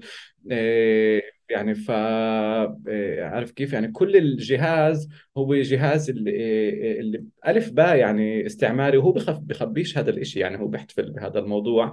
بس الأطباء الفلسطينية بتتعلم شوي شوي تتأقلم مع هذا الوضع لأنه يعني هاي البيئة. وكمان أنا أخذ لي كثير وقت يعني أفهم إنه آه، يعني نقدرش آه، يعني وبعدين جزء منها يعني أشياء اللي فهمتها بعدين بمساعده عمر يعني بنحكي كيف مثلا الأطباء العراقية تحت الاستعمار أو تعرف تحكي عن أطباء آه، سود بجنوب أفريقيا تحت الأبارتهايد إنه الناس هن مش يعني يا خونة يا أبطال وطنيين. أغلب الناس بدها تجرب تعيش يعني فلما انت عايش في نظام استعماري وقمعي وعنصري وكذا يعني بتلاقي طريقة. هسه في ناس بتلاقي طرق أكثر من ثاني وفي ناس عن جد بتعمل مجهود إنها تكون آه، خدمة أسياد وتكون فعلا هذا العربي المنيح يعني اللي بتعمل إيش ال house negro يعني إيش كان يسميه مالكوم إكس يعني هذا اللي عن جد عبد المنزل اللي وبتشوف يعني في أطباء اللي هن بيروحوا بيولعوا شعلة الاستقلال بإسرائيل يعني وقت يوم الاستقلال أو يعني في أطباء عرب اللي بيمنعوا أطباء يعني ناس يحكوا عربي في الأقسام تبعتهم وبالمستشفيات تبعتهم إنه بجربوا يمحوا هذا الإشي كليا. وفي ناس اللي لا بالعكس بتجرب تعمل أشياء آه، آه، مسيسة ووطنية وكذا. فدائما الأشياء يعني طبع البشري يعني أكثر مركب من إنه يكون آه، يا هيك يا هيك. بس إنه المجمل في حالة من عدم التسييس وإنك تتصرف كضيف حذر يعني. بكل بساطة يعني خلص تكون شيء غير مرئي. أوكي وبالطبيعي طبعا إنه النظام هذا على كيف كيف أسس العلاقة هو كمان أسس تمييز بين بين الأطباء الإسرائيليين والأطباء الفلسطينيين آه، تحت المنظومة هاد. فصار في علاقة كمان يعني مش علاقة صحية أصلا يعني كيف آه، بتخيلها. آه ولا شيء صحي طبعا. هي بتبدأ من لما تتعلم انت بالجامعة يعني انت وأولاد صفك يعني من كل الهرمية هي انت عندك علاقة كثير مختلفة عادة كمان هن بيجوا أكبر يعني إحنا كنا 18 19 هن 23 جايين بعد جيش آه، كذا كثير منهم بعدهم بيروحوا على الجيش فمرات بيجوا بواحي الجيش وبالبارود على على الصف وكذا. وطبعا يعني هن منفتحين على العالم أكبر ودائما بيكونوا بيجوا مسف يعني إحنا بنكون بتعرف حدا صغير طالع من القرية وهن يعني عم رايحين جيش وبعدين رايحين على الهند سنه بعرف شو راجعين وعندهم تجربة حياة وبيحكوا عن أبصر شو. فكل الحالة هي كلها غريبة عم تعمل انت مع بيئة كليا غريبة وكثير مرات ترفضها يعني خلص بديش شيء منكم بديش أشوفكم أعرفكم يعني انت يعني جزء مننا خلص بفصل حاله كليا. بس طبعا في زي ما هي ما هي هرمية في المواطنة وفي الحياة اليومية في هرميه في في المستشفى اللي بتصير تشوفها. حتى لو الواحد يعني كبر وصار يعني نائب مدير ومدير قسم وكذا بضله كل الوقت الحذر هذا تبعه إنه هو لازم يكون حذر وهو ممكن يدفع ثمن معين إذا حكى شيء وبينفعش يحكي هيك وبينفعش. آه، بتعرفوا إذا كنا قاعدين بغرفة اللي هيك كم من حدا عربي وعم نحكي بالعربي بيجي أي حدا إسرائيلي دغري بصيروا يتحولوا كله للعبري. طب ليش؟ يعني ما إحنا عم نحكي مع بعض. يعني شو؟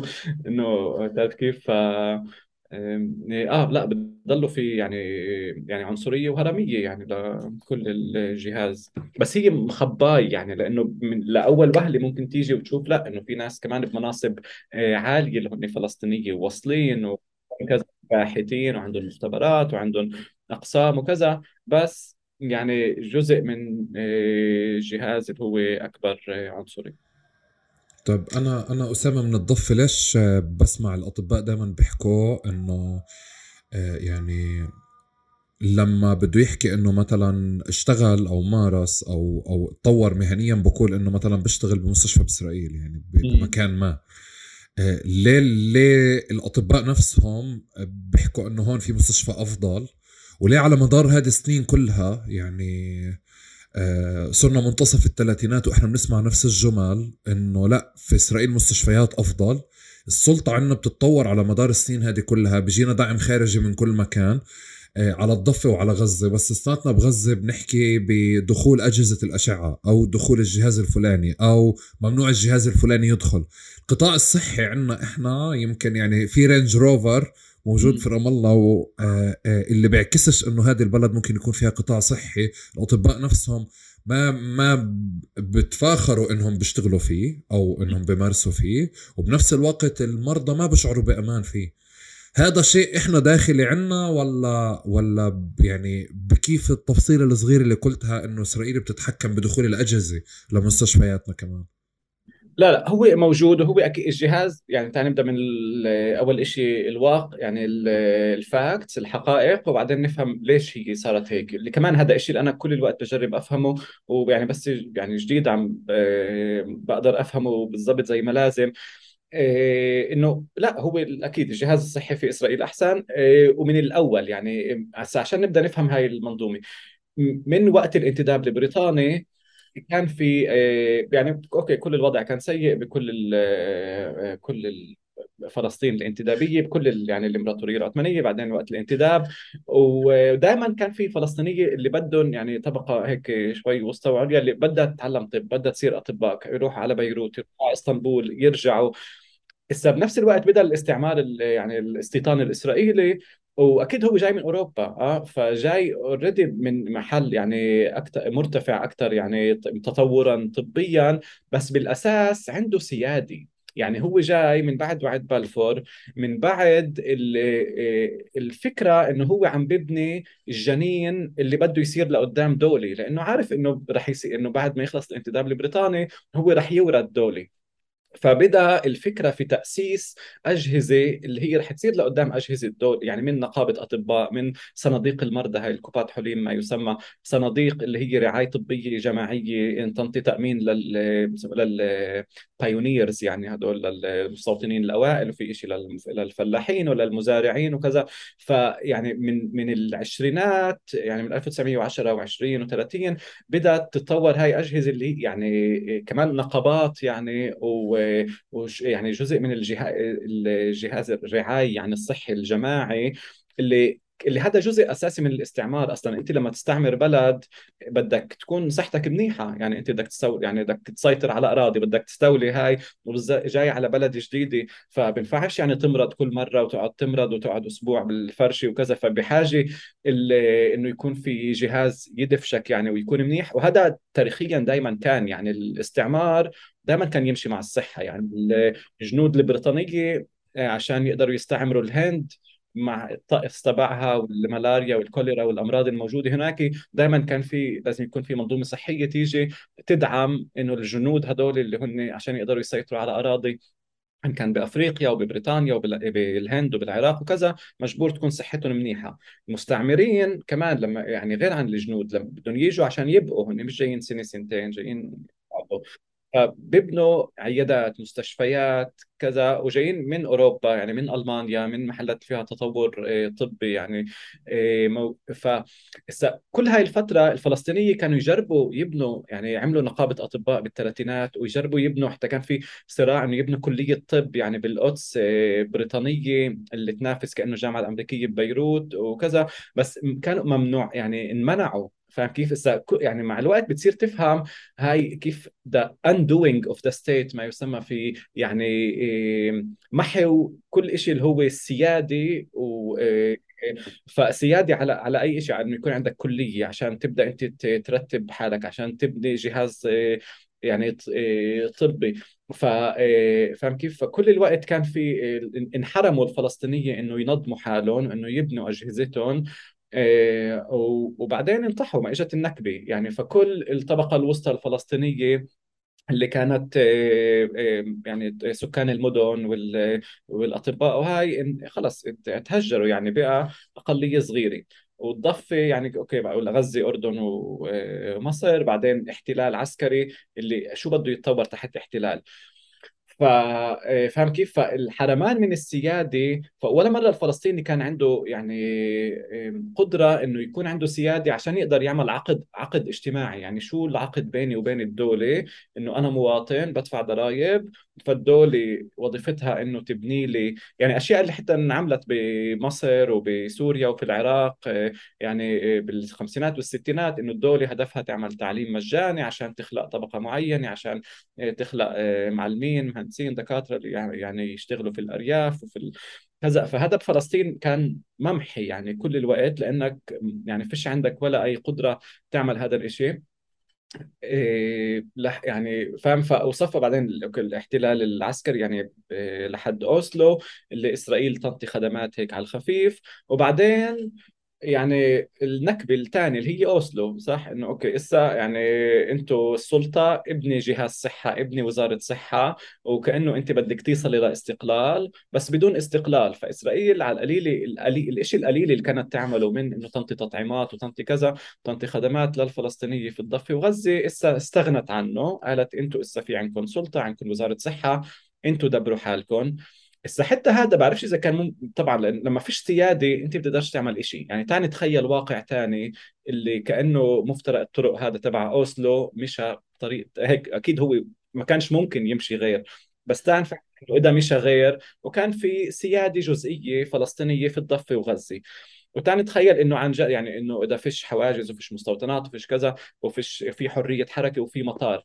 طب كنا بنقدر يعني كل الطاقات هاي الهائلة تبعت الفلسطينيين الموجودين في أوروبا وبأمريكا وأطباء وكذا تجيب يعني عن جد أخصائيين تبني جهاز تأمين صحي تبني مستشفيات كثير من ال الناس اللي الفلسطينيين اللي ساكنين برا ممكن يرجعوا يسكنوا يبنوا يعني جهاز منيح لأنه بدهم يخدموا شعبهم بدهم كذا.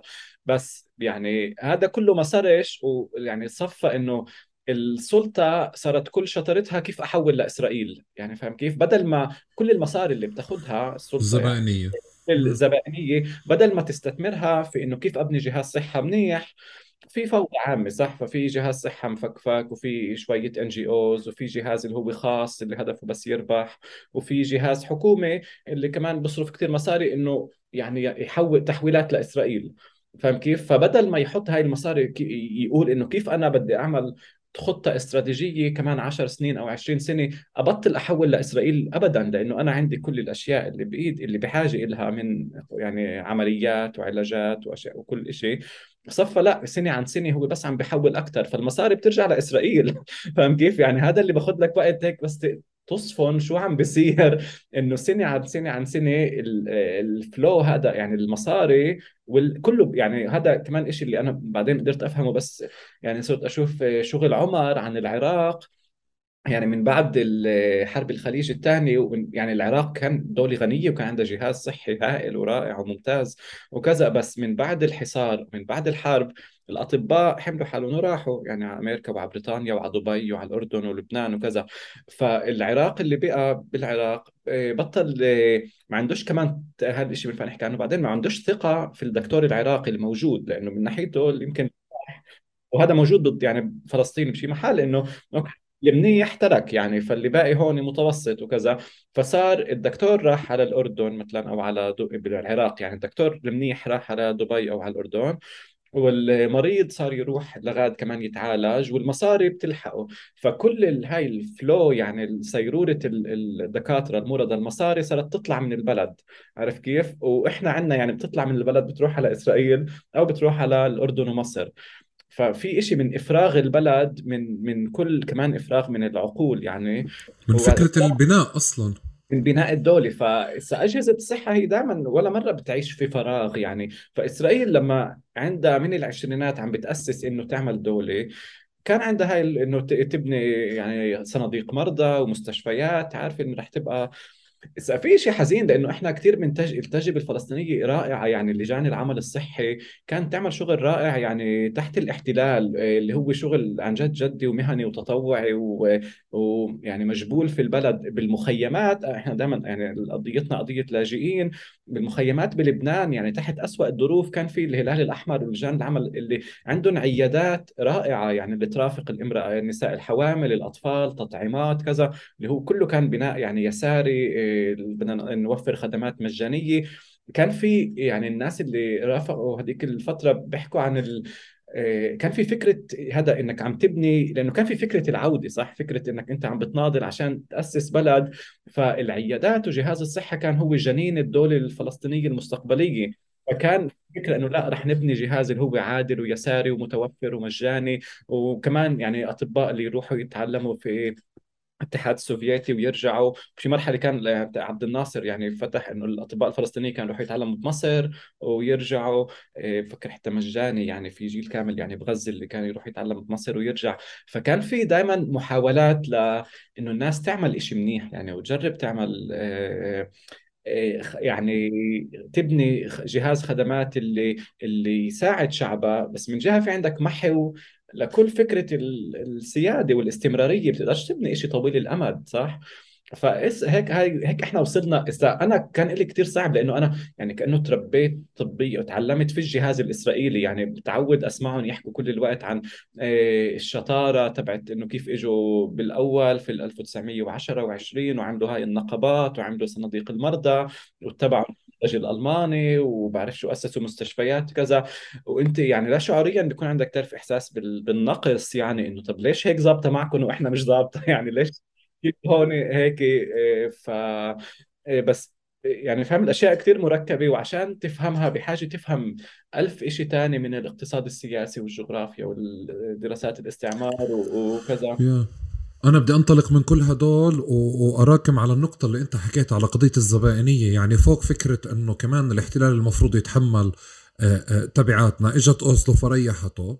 بس آه، آه، صارت هي زي طرف ثالث third party بلغة ال business فصارت بتدير فعليا إدارة المصاري التحويلات تبعتها. بس بنهاية المشهد بتشوف وزير المالية بيحتاج وزير المالية الإسرائيلي إذا السلطة بدهاش بدها بدها تحول على الأردن أكثر يعني نفس قصة المطار الأردن آه، مطار رامون والجسر نفسه على مستوى التحويلات الصحية إنه أنت بتطلع على حالك إنه أنت ATM ماشين أو أنت فعليا زي كوبون يعني بتم بتم نقلك. بس بدي أرجع لورا شوي إنه قديش آه، آه، غير إنه الجهاز الصحي في في في في إسرائيل قوي. آه، قديش بيهتموا تجاريا يعني على مستوى business بأنه إحنا لما نروح عندهم نتلقى أفضل أفضل خدمات ونتلقى أفضل معاملة ونرجع نعمل review كتير حلو للناس اللي موجودة إنه المستشفى الفلان ونعمل علاقة حتى مع المستشفى آه، آه، اللي هي زيها إشي زي بإسطنبول زي كأنك بمكان تاني. في صور غريبة الناس بتحكيها إنه بيرجعوا على علاقة مع حتى بتشوف إنستغرام بتبادلوا بعض.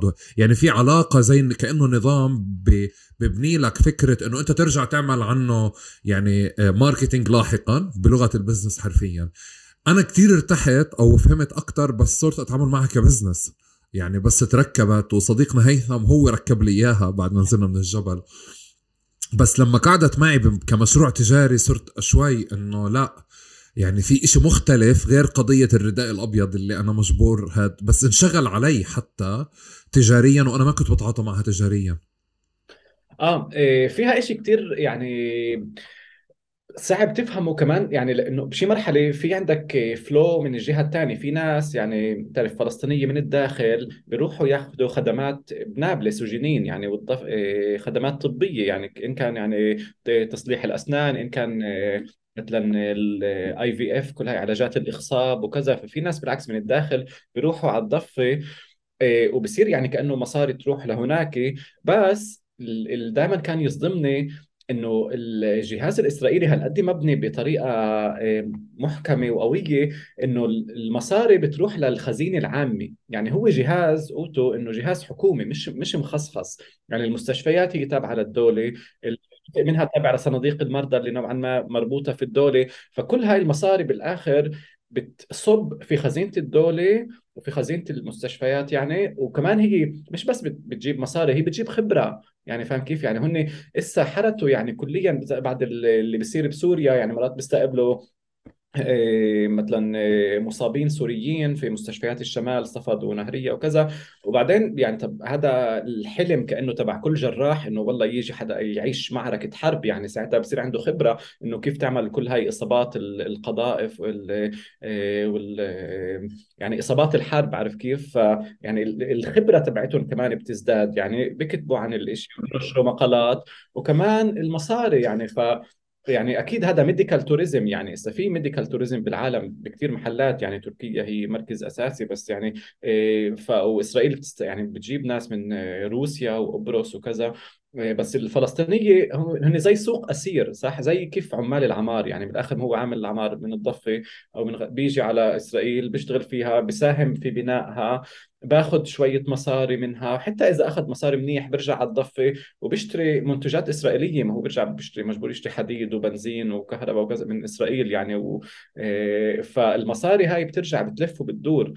بس نفس الشيء للخدمات الطبية والمرضى هو كلهم هيك زي لفة مصاري اللي بتلف وبتدور ومرضى وأجساد وأمراض و... وكذا. فاه أكيد. ومن جهة هي بتساهم في الإعجاب في المستعمر أول شيء يعني لأنه دائما هذا اللقاء الأول يعني بينك وبين المستعمر wow ما أشطره ما أحلى ما أنظفه الأشياء يعني غير تعرف كيف؟ يعني المحلات بتلمع مرتبه نظيفة مهنية بيحكوا باحترام كذا الدكتور مش قاعد يدخن جوا المستشفى وكذا. فعندك هاي. ومن جهة هي جزء أساسي من ال whitewashing يعني من الغسيل الأبيض لإسرائيل إنه طلع ما أحلاها بتعالج فلسطينية. طل يعني مع إنه هن عم بقصفوا عليها وبرموا عليها وهاي هي بتعالجهم في مستشفياتها. يعني تعرف قديش بحرتوا على هذا الإشي إنه هن بيعالجوا فلسطينية هن هذا الطفل تبع غزة اللي موجود في مستشفى في تل أبيب وبتعالج وبيرجع وبيلعبوا معه وكذا. فهي جزء من هالمكنة الإعلامية تبعتها اللي أنا كل الوقت هيك عم كنت أشوفها وبدي تعرف بدي أكسرها بس مش عارف كيف يعني مش كيف بدي أكسر هاي الصورة. وبعدين صرت هيك شوي أفهم مع الأشياء اللي بيعملوه القوس يعني على الغسيل الوردي كيف إسرائيل يعني كل الوقت بتجرب تسوق حالها كتعرف الجنة تبعت ال queers وال gays وال آه، والهاي. فهي كمان يعني وعشان العالم يتقبلها فهي بت بتسوق حالها whitewashing الصحة. وكمان هي بتجيب يعني أطباء من الضفة يتدربوا في الداخل بتدربهم مرضى وكذا تعلمهم. وفي كتير يعني ملان كتابات عن هذا بناء الثقة والتعايش والتسامح عن طريق الشغل المشترك في الصحة وفي الطب وكذا وكيف ما أحلام نيجي نتعلم مع بعض. ف فهم كيف في يعني زي مكنة إعلامية كاملة حوالي هذا الموضوع. تعرف أنت ضربتني كف هلأ أسامة. لما حكيت medical tourism يعني أنا لإلي ال medical tourism بإسطنبول هي زراعة الشعر أو إنك تيجي آه. تعمل بوتوكس أو filler أو كذا. بس آه آه الإشي بالنسبة لإلي دائما كان هيك مربوط برفاهية. يعني مربوط ب ب بمصاري كتير. ولما انحطت بال category وقعدت أفكر فيها على مستوى ال business الصحي هو كمان medical tourism هو عم بيشتغل معي بالكامل. يعني إنه أنا أجي من الضفة وأتلقى خدمة كاملة وبسهل لي تصريحي وبسهل لي السيارة وبسهل لي كل إشي عشان أعمل نفس الشيء. باخذ package كاملة يعني.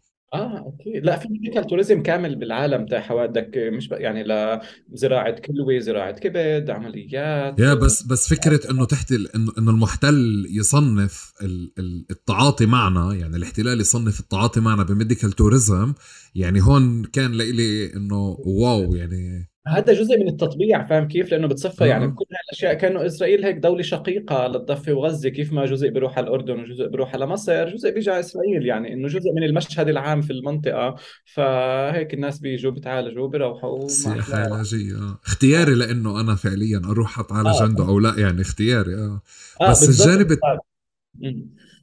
معلش قطعتك بس هذا نفسه الجهاز هو اللي عم بيمنع إنه يعني يتطور جهاز صحي زي الخلق في الضفة هو نفسه اللي عم آه آه آه آه, آه. نفسه إنه هو كمان اللي عم بيبني جهاز في المستوطنات يعني هو كل هاي الجهاز الإسرائيلي بعد ال 67 فتحوا عيادات في المستوطنات وفتحوا آه يعني هسه فتحوا كلية طبية باريال وكذا ف عارف كيف؟ في مكنة كاملة بتتوسع.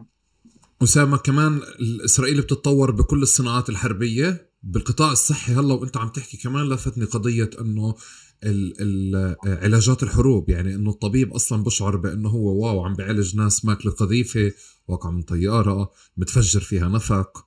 يعني آآ آآ كمان لما عرفت المعلومة هذه ساعدني أفهم أكثر آه، مش بس تجاريا إنه كمان الأطباء أو القطاع الصحي ليه بيستثمر بقضية على مستوى حتى بقدم تسهيلات أمنية وسياسية ليستقبل حالات من غزة ويستقبل حالات من سوريا ويستقبل حالات من الضفة في الوقت اللي بقصفها آه آه طبعا. فش... هي ف... يعني هي مهارات أول شيء يعني كمان هناك أخذ لي شوي وقت لأستوعبها بس إنه الطب دائما كان معسكر. هاي الفكرة إنه الطبيب هو حدا إنساني ومنيح وحبوب وكذا. تعال نتخلص منه. يعني إنه اذا الواحد بحط روب أبيض بقولش شيء عن حاله ممكن يكون فاشي ونازي وبتعرف مجرم حرب وكذا. إسا تاريخيا يعني بأوروبا قبل الاستعمار جويت أوروبا آه، التطور الطبي كان مربوط جدا في تطور الأسلحة وتطور الحرب لأنه قبل زمان يعني كان تعرف الجنود موجودين يعني بينفع تاخذ أي حدا آه، تعمل حرب آه، ماتوا جنود مش مهم بتجيب غيرهم يعني من الفلاحين من الهاي بتجيب. لما لما الأسلحة تطورت الجندي صار ثمين أكثر لأنه بدك تاخذ جندي تعلمه كيف يعني حتى الأسلحة الأساسية يعني الأولية بدك تحط فيه تستثمر فيه وقت تعلمه كيف كيف يستعمل سلاح كيف يحارب كيف كذا. فهو مش هيك حيالله حدا هو ثمين. فإذا مرض يعني إن كان إن أكل هواي والتهبت أو إذا صار فيه شيء أو حتى إذا انقطعت إيده أو إجره أو إذا صار عنده إيفن إسهال أو شيء بنحكي بحالات حرب اللي فيش فيش كثير مي يمكن نظيفه أو شيء حواليك أي التهاب أنت بدكش اياه يموت دغري لأنه استثمرت فيه وحطيت فيه وقت. يعني بدك تعالجه عشان يرجع لساحة المعركة. فاهم كيف؟ فتطور الطب يعني الحديث نوعا ما بأوروبا كثير كان مربوط في تطور بالحروبات. يعني فالحروبات كانت كاتالايزر اللي تخلي المنظومة كلها تشتغل عشان توقف الجندي على اجريه عشان يقدر يكمل يحارب. كان بحاجة تبني جهاز كامل. أكيد ما كانش همها رفاهيه المواطنين وهاي الشيء تبعت الأطباء لأنه المواطن يعني مين هاي يعني الفكرة اللي تعرف إنه كل المواطنين بدهم حياة كريمة هذا شيء كثير جديد. يعني قبل كان أوكي إنه في الأغنياء الملوك والبرجوازية والاقطاعيين يعني والفقراء يموتوا مش مهم إذا بعتوا فلاحين بيجوا غيرهم وبيجوا كذا. فالطب دائما كان معسكر يعني. بعدين لما اجى الاستعمار بكل العالم كيف بدك تخلي الجنود الجزائري الفرنسية يمشوا بتعرف بالجزائر وجنوبية أفريقيا وبعدين يروح على فيتنام وعلى محلات ثانية بحاجة يعني جهاز كامل يعني يمشي ورا الجنود يقويهم. فالطب دائما دائما كان مرب... زي ال business تعرف زي كثير أشياء كانت مربوطة في ال... يعني في العسكرة. يعني إسرائيل هي رب هذا النموذج لأنه الاستعمار استيطاني. يعني حدا اجى على بيئة جديدة بده كمان يعني صحة الجنود. فكل ال... كل شيء خاصه بال military medicine وهيك هو يعني كثير متطورين فيه. ومن جهة صحة المستوطنين يعني آه، فالإشي كتير يعني مربوط ببعض وبإسرائيل بشكل عام هاي العوالم كلها مربوطة يعني العسكرة مربوطة بال high-tech في تطور التكنولوجيا كل إشي خاصه يعني في ال communication في آه، يعني ال high-tech ال bubble هذا ال start-ups هي كتير مربوطة في الجيش ومربوطة في الأكاديميا ومربوطة في في الطب يعني فهن نفسهم يعني نعم. بدوروا الفلك بعد بس هذا بشكل عام الجيش هو يعني كاتالايزر لكثير محفز لكثير دراسات وصناعات وعلوم يعني انت كيف؟ طب ما بين كلمة الطب وما بين الصحة والإنسانية وما بين كلمة العسكرة كلمة العسكرة والأمن بحالتنا إحنا آه، فوق القطاع الصحي دائما؟ آه هي أو... يعني هن مجبولين ببعض يعني آه دائما. يعني بدي بدي أسأل على هذا المشهد إنه إسرائيل بتغتال حدا في الانتفاضة الثانية؟ حرفيا هيك؟ أو بتستهدف حدا فبتم بنجرح فيش مكان للعلاج له في الضفة فبتم تحويله ل 48 للمستشفيات الإسرائيلية. آه، هون لانك دائما كان في مشهد مش مفهوم يعني كتير معقد كتير مركب وخاصة المطلوب بنعرف إنه إسرائيل حاولت تغتاله يعني يعني طخته يعني تمام؟ بس بعدين تعالج جوا ورجع مرة تانية أو قضى محكومية ما. ففي صفقة بتحسها بالكامل موجودة اللي أنا ما بقدر أفهمها ونفس الشيء في حالة غزة. آه آه إنه يمكن في غزة المصابين العسكر أو اللي اللي بيشاركوا في أعمال عسكرية يمكن أقل بنزلوا أو بتعاملوا بس كمان كل فكرة إنه السؤال بضل عنا موجود قد إيه غزة مكان ضيق ومكان مسكر انشغل عليها على مدار سنين إنك تفتحها لتاخذ معلومات عنها أكثر جانب من الفتح اللي تم استثماره على مدار السنين اللي هو قضية إنه خلال الحرب نفسها يكون في تحويلات أو ما بعد يكون في تحويلات للمستشفيات الإسرائيلية. قد إيه هدول مرتبطين ببعض؟ هن كثير مرتبطين ببعض وكثير مشربكين وللأسف في كثير قليل يعني شغل وبحث كتابات عليهم ولازم يعني نعمل بكثير أكثر بس آه، كل موضوع التحويلات أول شيء من يعني من بعد الانتفاضة وكل شيء اللي خاصه في إنك تاخذ آه، يعني آه، تعرف ترخيص عشان تقدر تفوت تفوت بشكل عام. على إسرائيل وحتى تفوت تتعالج أو بحالة غزة تروح مش على مستشفى إسرائيلي على مستشفى فلسطيني في القدس. يعني إحنا بننسى إنه أغلب الشغل على غزة على التصاريح الطبية هو مش إنه عشان ابن غزي يروح على على تل أبيب هو عشان ابن غزي يروح على المقاصد يعني على القدس أو على مستشفى في رفح فالفلسطيني عشان يروح عند بعده بده يعني تصريح إسرائيلي. صح. بس هذا التصريح هو جزء من تهذيب المجتمع صح؟ إنك عشان تاخذ تصريح آه، بحاجة إنه يكون مرضي عنك إنك ما تكونش يعني تعرف افيلييتد مع حماس أو مع الجهاد أو مع أي فئة وهيك. فاصل يعني فالناس بتصير تعرف تعمل حتى هاي الحسابات إنه يعني لا سمح الله إذا ابني مرض أو إذا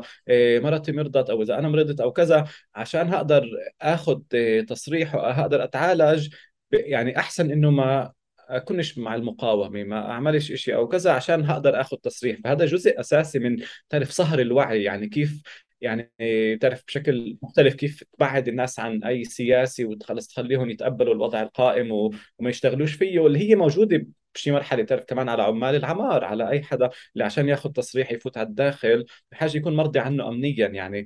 فهي جزء من بناء آه، وبالآخر هذا البني آدم بس بده يعني يوفر لقمة العيش لعائلته يعني آه يعني بده يجيب مصاري ويشتري أكل وكذا بس عشان هيك مجبور ساعات يصير مرضي عنه امنيا. فهي بتسيطر على كل مناحي حياتك إسرائيل كمان على لقمة العيش بس كمان على العلاج يعني تبعك.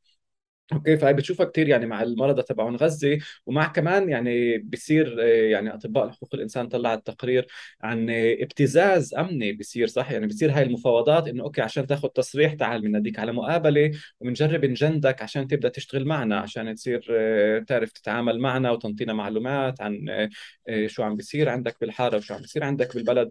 فيعني هي في أبشع صور تبعت إنك تستغل مأساة الناس ومعاناة الناس اللي أنت بتخلقها عشان تنطيهم خدمات يعني وعشان تنطيهم خدمات اللي هن بتطلع لهم يعني اللي انت حارمهم منها عارف كيف؟ فانت بتحرم الناس من خدمات معينة وبعدين بت... بتحط شروط معينة عشان تنطيهم إياها اللي هاي كمان يعني انعملت بمحلات معينة هيك بأشكال مختلفة كمان بأمريكا مع ال... بالجيتو الأسود بمحلات معينة كمان بال آه، آه، بأفغانستان يعني حتى بالعيادات هاي اللي بعدين الأمريكان عملوها في أفغانستان بعد الاحتلال أو فبالعكس الطب والخدمات بتصفي جزء من ال pacification of society ما يسمى يعني آه، من باسيفاير اللي هي تهدئة إنك هيك بتسيطر هيك تعمل مكافحة الشغب. يعني إنك كمان بتسيطر على بتقتل ناس وبتحبس ناس بس كمان بتخلق وعي عام اللي هو كثير عميق إنه آه عشان إذا لا سمح الله صار شيء كنت بحد الطرق اكتشفوا عندي سرطان اكتشفوا عند أي حدا أنا بحاجة أكون مرضي عنه عشان هقدر اخذ آه, آه، خدمة بتعرف كيف؟ أو عشان هقدر أبعت أولادي على التعليم أو شيء بحاجة آه، يكون مرضي عني. فهي منظومة كثير كثير كبيرة من السيطرة اللي بت بتخترق يعني كل الوجدان. بغزة شفناها كمان بطريقة يعني أبشع وقت آه، مسيره العودة صح؟ يعني وقت مسيرات العودة اللي على الجدار. اللي كان كل القصف آه، بتعرف القصف على الركب وقطع آه، القناصين يعني اللي كانوا. فيعني بصفي حت يعني كمان هي بتقنصك بس إنه كونك يعني تصوبت فهذا معناه إنك كنت تشارك في المسيرة فعشان هيك بيطلع لكاش تصريح يعني عارف كيف؟ يعني بصفي جرحك هو علامه معينه وأنا بدير دخول الأطراف الصناعية لإلك كمان. يعني يعني أنت بدك تشتريها آه. مني وأنا بدير دخولها لعندك كمان.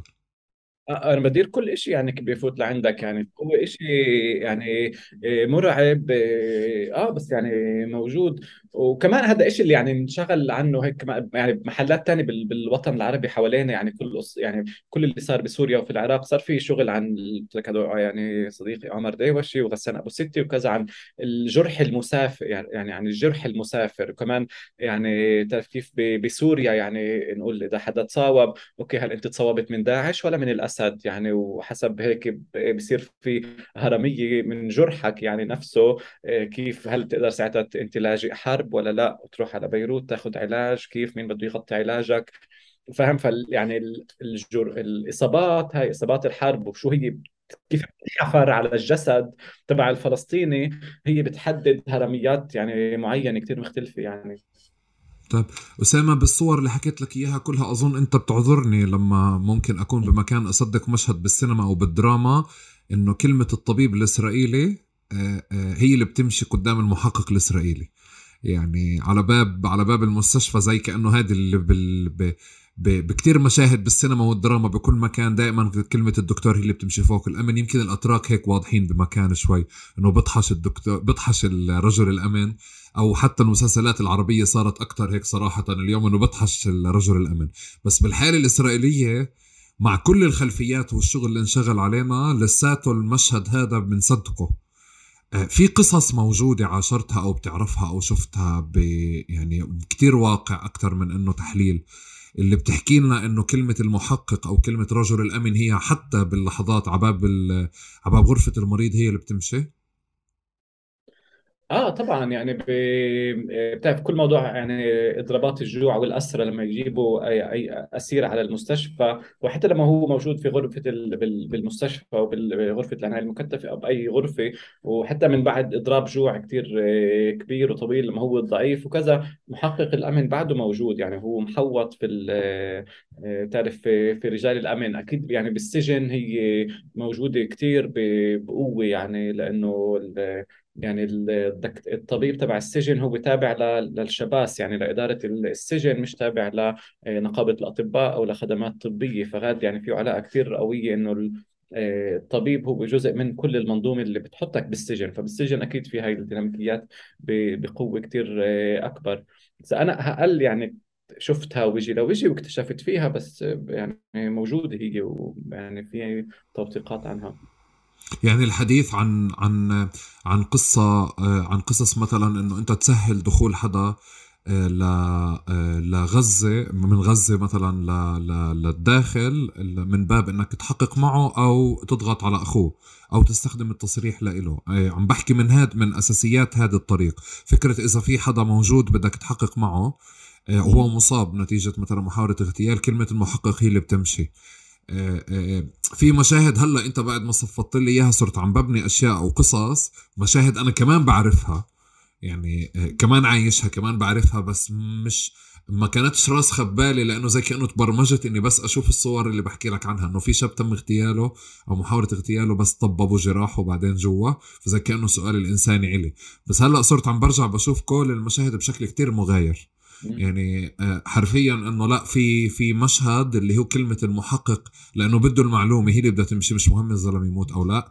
إذا عنده إصابة ما آه، آه، إصابته بنفع إنه يعني مش رح تموته مش مهمة مقابل إنه أنا بدي أنزع منه تحقيقات. ممكن أستخدم التصاريح للضغط آه. عم بجرب أشوف حتى هذا النظام الأمني مع النظام الصحي قديش مرتبط يعني ارتباط عضوي وبنسق بأماكن كثيره صح هو مرتبط جدا. إذا كمان يعني كيف قلنا هذا بازل كتير كبير اللي كل واحد يمكن عنده هيك شوية آه، أجزاء ومن يعني مع بعض. لأنه يعني أنا شفت تعرف جزء معين أنت بتشوف شيء معين وأنت بتشوف شيء ثاني وكل حدا عنده تجربة مختلفة واللي بالسجن غير واللي بالضفة غير واللي بالداخل غير. بس يعني كل قصة هيدا المعلومة بفكر إحنا لأنه كمان عايشين في جهاز رقابة هالقد متطورة اللي تغير عن عن قبل صح؟ يعني بالآخر إسا في رقابة بكل محل من فوق الأرض من تحتيك آه، آه، على التليفونات جواسيس كل إشي. فكتير من المعلومات هي موجودة بتعرف؟ يعني بطل زي زمان إنه بدك تاخذ واحد وتحقق معه عشان تقول معلومة عشان يقول تعرف وين موجود فيه. فبالع... يعني هي بصفي أقل البحث عن معلومات بس أكثر بفكر يعني مش مختص بهذا المجال آه، صهر الوعي. بتعرف كيف؟ إنه إنه كل الناس تعيش مع الوعي العميق إنه هي مجبورة آه، ما تعملش أي شيء آه، مقاوم للاحتلال أو تجرب تعمل أي شيء إنه تمشي الحيط الحيط يا رب السترة عشان تقدر تاخذ علاج عشان تقدر تاخذ تصريح عشان تقدر آه، آه، تشتغل هون عشان تقدر تاخذ تصريح تسافر برا البلد عشان تتعلم أو أو شيء فهو على هالقد مستويات تعرف كيف شيء كثير يعني عميق يعني. آه، اللي هو نفسه موجود عند الدكاترة وعند المرضى وعند كل الشعب الفلسطيني بشكل عام عارف كيف يعني كل هاي يعني السيطرة. اللي الصحة بتصير بتصفي بس جانب واحد منها يعني عارف كيف؟ بس هي الجانب الأكثر مؤلم لأنه يعني لما أنت مريض أو لما حدا من عائلتك مريض أنت بدك ياخذ علاج يعني شو ما صار يصير صح؟ وهون يعني الموضوع لهيك أنا يعني أخذ لي وقت كمان ل أفهمها واحدة من هيك مرة عملنا ورشات ببير زيت كان مع رنا بركات اللي كانت يعني سألتني إنه يعني بتقول لي يعني أنا ممكن أرفض الإسرائيلي بكل شيء بديش فنه بديش ثقافته بديش مصاري بديش يعني أي شيء تعليمه بديش شيء منه. بس بالصحة بتصفي هي المحل اللي وين ممكن يلوي إيدك. لأنه لما أنت مريض أو لما حدا مريض حواليك أنت بدك تنطيه أحسن علاج وأكثر درجة علاج يعني آه، أحسن علاج متوفرة. وكثير مرات للأسف لا أنت عارف إنها موجودة بإسرائيل يعني مش بالضفة ولا ب... ولا ب... ولا بمصر ولا بالأردن يعني كمان عارف كيف يعني؟ أوكي مرات بالأردن بس فهي بتصفي محل كثير موجع اللي أنت بتقدرش ترفض المستعمر عارف كيف؟ صح صح صح صح. أنت ساعدتني هلأ أشوف كل المشهد زي ما كنا حكينا يعني ك ك كشكل تاني من أشكال السجن. أو وبرمجتي للحركة جواه بشكل ما أو حتى كيف بدي أستخدم إنه إنه وهم الامتيازات اللي موجود جوا أو وهم إني أنا عم باخذ خدمة جيدة أو خدمة كذا لأنه دائما موجودة يعني بعرف جزء من القصة. بمعنى أنا بعرف إنه تم تحويلي لمستشفى جوا بس ما بعرف كل الخلفية الاقتصادية والاقتصاد السياسي والجانب المالي منها. إذا إذا بدي أحكي على على ناخذ السجن السجون أو ناخذ آه، الأطباء اللي موجودين جوا آه، اللي بيعالجوا كمان الأسرى الفلسطينيين عشان هيك نلخص كتير المشهد على بشكل كتير مركز. ونبدأ من قضية نيل الدراع اللي هي بتجاوب على السؤال الأمني أولا أصلا اللي هو يعني آه، آه، سجن الأسرى الفلسطينيين بشكل أساسي غايته أمنية عقابية أمنية أو ردعية أو أيا كان أو بدها بس بالسبب بشكل أساسي هو أمني. بس في لوية الدراع تعال نبلش فيها من هناك. ونوصل لمحل وين كلمة ال آه، آه، وين كلمة الطبيب بتمشي وين كلمة آه، العسكري بتمشي أو الرجل الأمن بتمشي الإسرائيلي. صح. إسا كمان يعني كثير مرات بتخيل بكل مجالات الحياة بالتجربة الفلسطينية السجن هو هيك تكثيف لكل التجربة الفلسطينية. عن جد هي ال extreme تبع كل شيء تبع الحق في الحركة الحق في الكلام الحياة الكريمة معركتك على على جسدك على كل شيء بالآخر بتلخص في السجن في علاقتك المباشرة مع السجان في الحبس. فهو حالة كثير مكثفة. لسه يعني هون إسرائيل عملت شيء اللي هو كثير ذكي وجهه typical للمستعمر إنه فصلت. أطباء السجن آه، أول شيء أطباء السجن مش تابعين لنقابة الأطباء الإسرائيلية يعني هن ال ethical يعني كل طبيب مفروض يكون عنده ethical code يعني في الكود آه، الأخلاقي اللي أنت بتمشي عليه اللي هو كيف يعني إنه تحترم آه، ال autonomy الحريه يعني استقلاليه الجسد تبع المريض تحكي له بصراحة إيش عنده تحترم إيش بده إيش رأيه آه، كيف تتعامل معه. ففي هيك يعني بتعرف أشياء الموجودة تاريخيا يعني من وقت هيبوكراتوس لحد إسا. ف وكل نقابة أطباء بالعالم أو أو النقابات العالمية في عندها ethical code انه الدكتور ما, ما يكونش جزء من التعذيب ما يكونش جزء من الأكل يعني الإطعام القسري ما يكونش جزء من ما يشاركش في تجارب على بني آدمين من غير آه، إرادتهم أو كذا. وطبعا الأطباء يعني عملوا اهوال يعني على مر التاريخ بكل المحلات بالعالم هون وبأمريكا وبفيتنام وبكذا محلات يعني وبالمانيا النازيه وكذا. اسا آه، في إسرائيل قلنا طبيب السجن هو جزء من السجن هو موظف للسجن. فهو مش تابع لحتى نقابة الأطباء الإسرائيلية مع كل السوء تبعها. فيها كود آه، ethical موجود اللي هي يعني بترفض كأنه مشاركة الأطباء في في التعذيب بترفض الإطعام القسري بترفض آه، كذا. فبصفي صار عندك أنت هيك زي ثقب أسود يعني بلاك هول اللي السجين موجود فيه اللي هو خلص مباشرة قدام طبيب اللي الطبيب هو موظف يعني بصفي. وهون على مر سنين يعني صار في ممارسات كثير كبيرة اللي هي كمان نقول موجودة بغوانتانامو بتعرف مع الاسرى الأمريكيين أو بكذا اللي آه، دكاترة شاركوا في التعذيب كانوا جزء من يعني استخدموا المعلومات الطبية تبع الاسرى عشان يتم الضغط عليهم. بتعرف كل هاي القصص إذا بيعرف بيعرفوا إنه أوكي ظهرك تبعك من هون فبنفع نحطك في وضعية معينة عشان تكون أكثر موجوع عشان تعترف أو عشان تعمل أي شيء أو آه، أو إنه بتعرف آه، ما ننطقاش خدمات أو الإهمال الطبي. ما هو بالإهمال هو بحد ذاته جزء من يعني إنك تعمل ضرر يعني صح؟ أنا مش بحاجة أجي أضربك بس بينفع أهمل آه، ضغط الدم تبعك والأمراض القلب وكذا عشان أنت تنأذى يعني أو أو كذا. ففي ممارسات يعني طويلة عريضة اللي بينفع أطباء السجن يشاركوا فيها عشان يعملوا ضرر للأسرى عارف كيف؟ من هون يعني آه، طبيب السجن بإسرائيل بيلعب دور اللي هو كثير آه، يعني مش كلجة وخارج الإشي. وكمان مرات كثير مرات بصفي كيف من تجارب الأسرة إنه يعني كأنه مح... آه، عيادة الدكتور هي بصفي كمان محل إذا بدك تجند حدا صح عشان يصير يشتغل معك يصير عميل يصير كذا لأنه خلص هو بغاد بعيد عن كل الأسرة فكل الضغط على ال... بصير يعني استغلال هذا الإشي لتجنيد معلومات ولا ولا كذا. فهاي الأشياء اللي, اللي بتصير يعني ب... أنا ما تعمقتش على الآخر هذا مش تخصصي يعني مش أكثر موضوع اللي يعني ولازم يعني أعرف عنه أكثر بس تعرف يعني كل الموضوع هالقد هائل وهالقد جديد وإحنا شوي شوي طبعا. نكتشف يعني كل شيء شو عم بيصير حوالينا.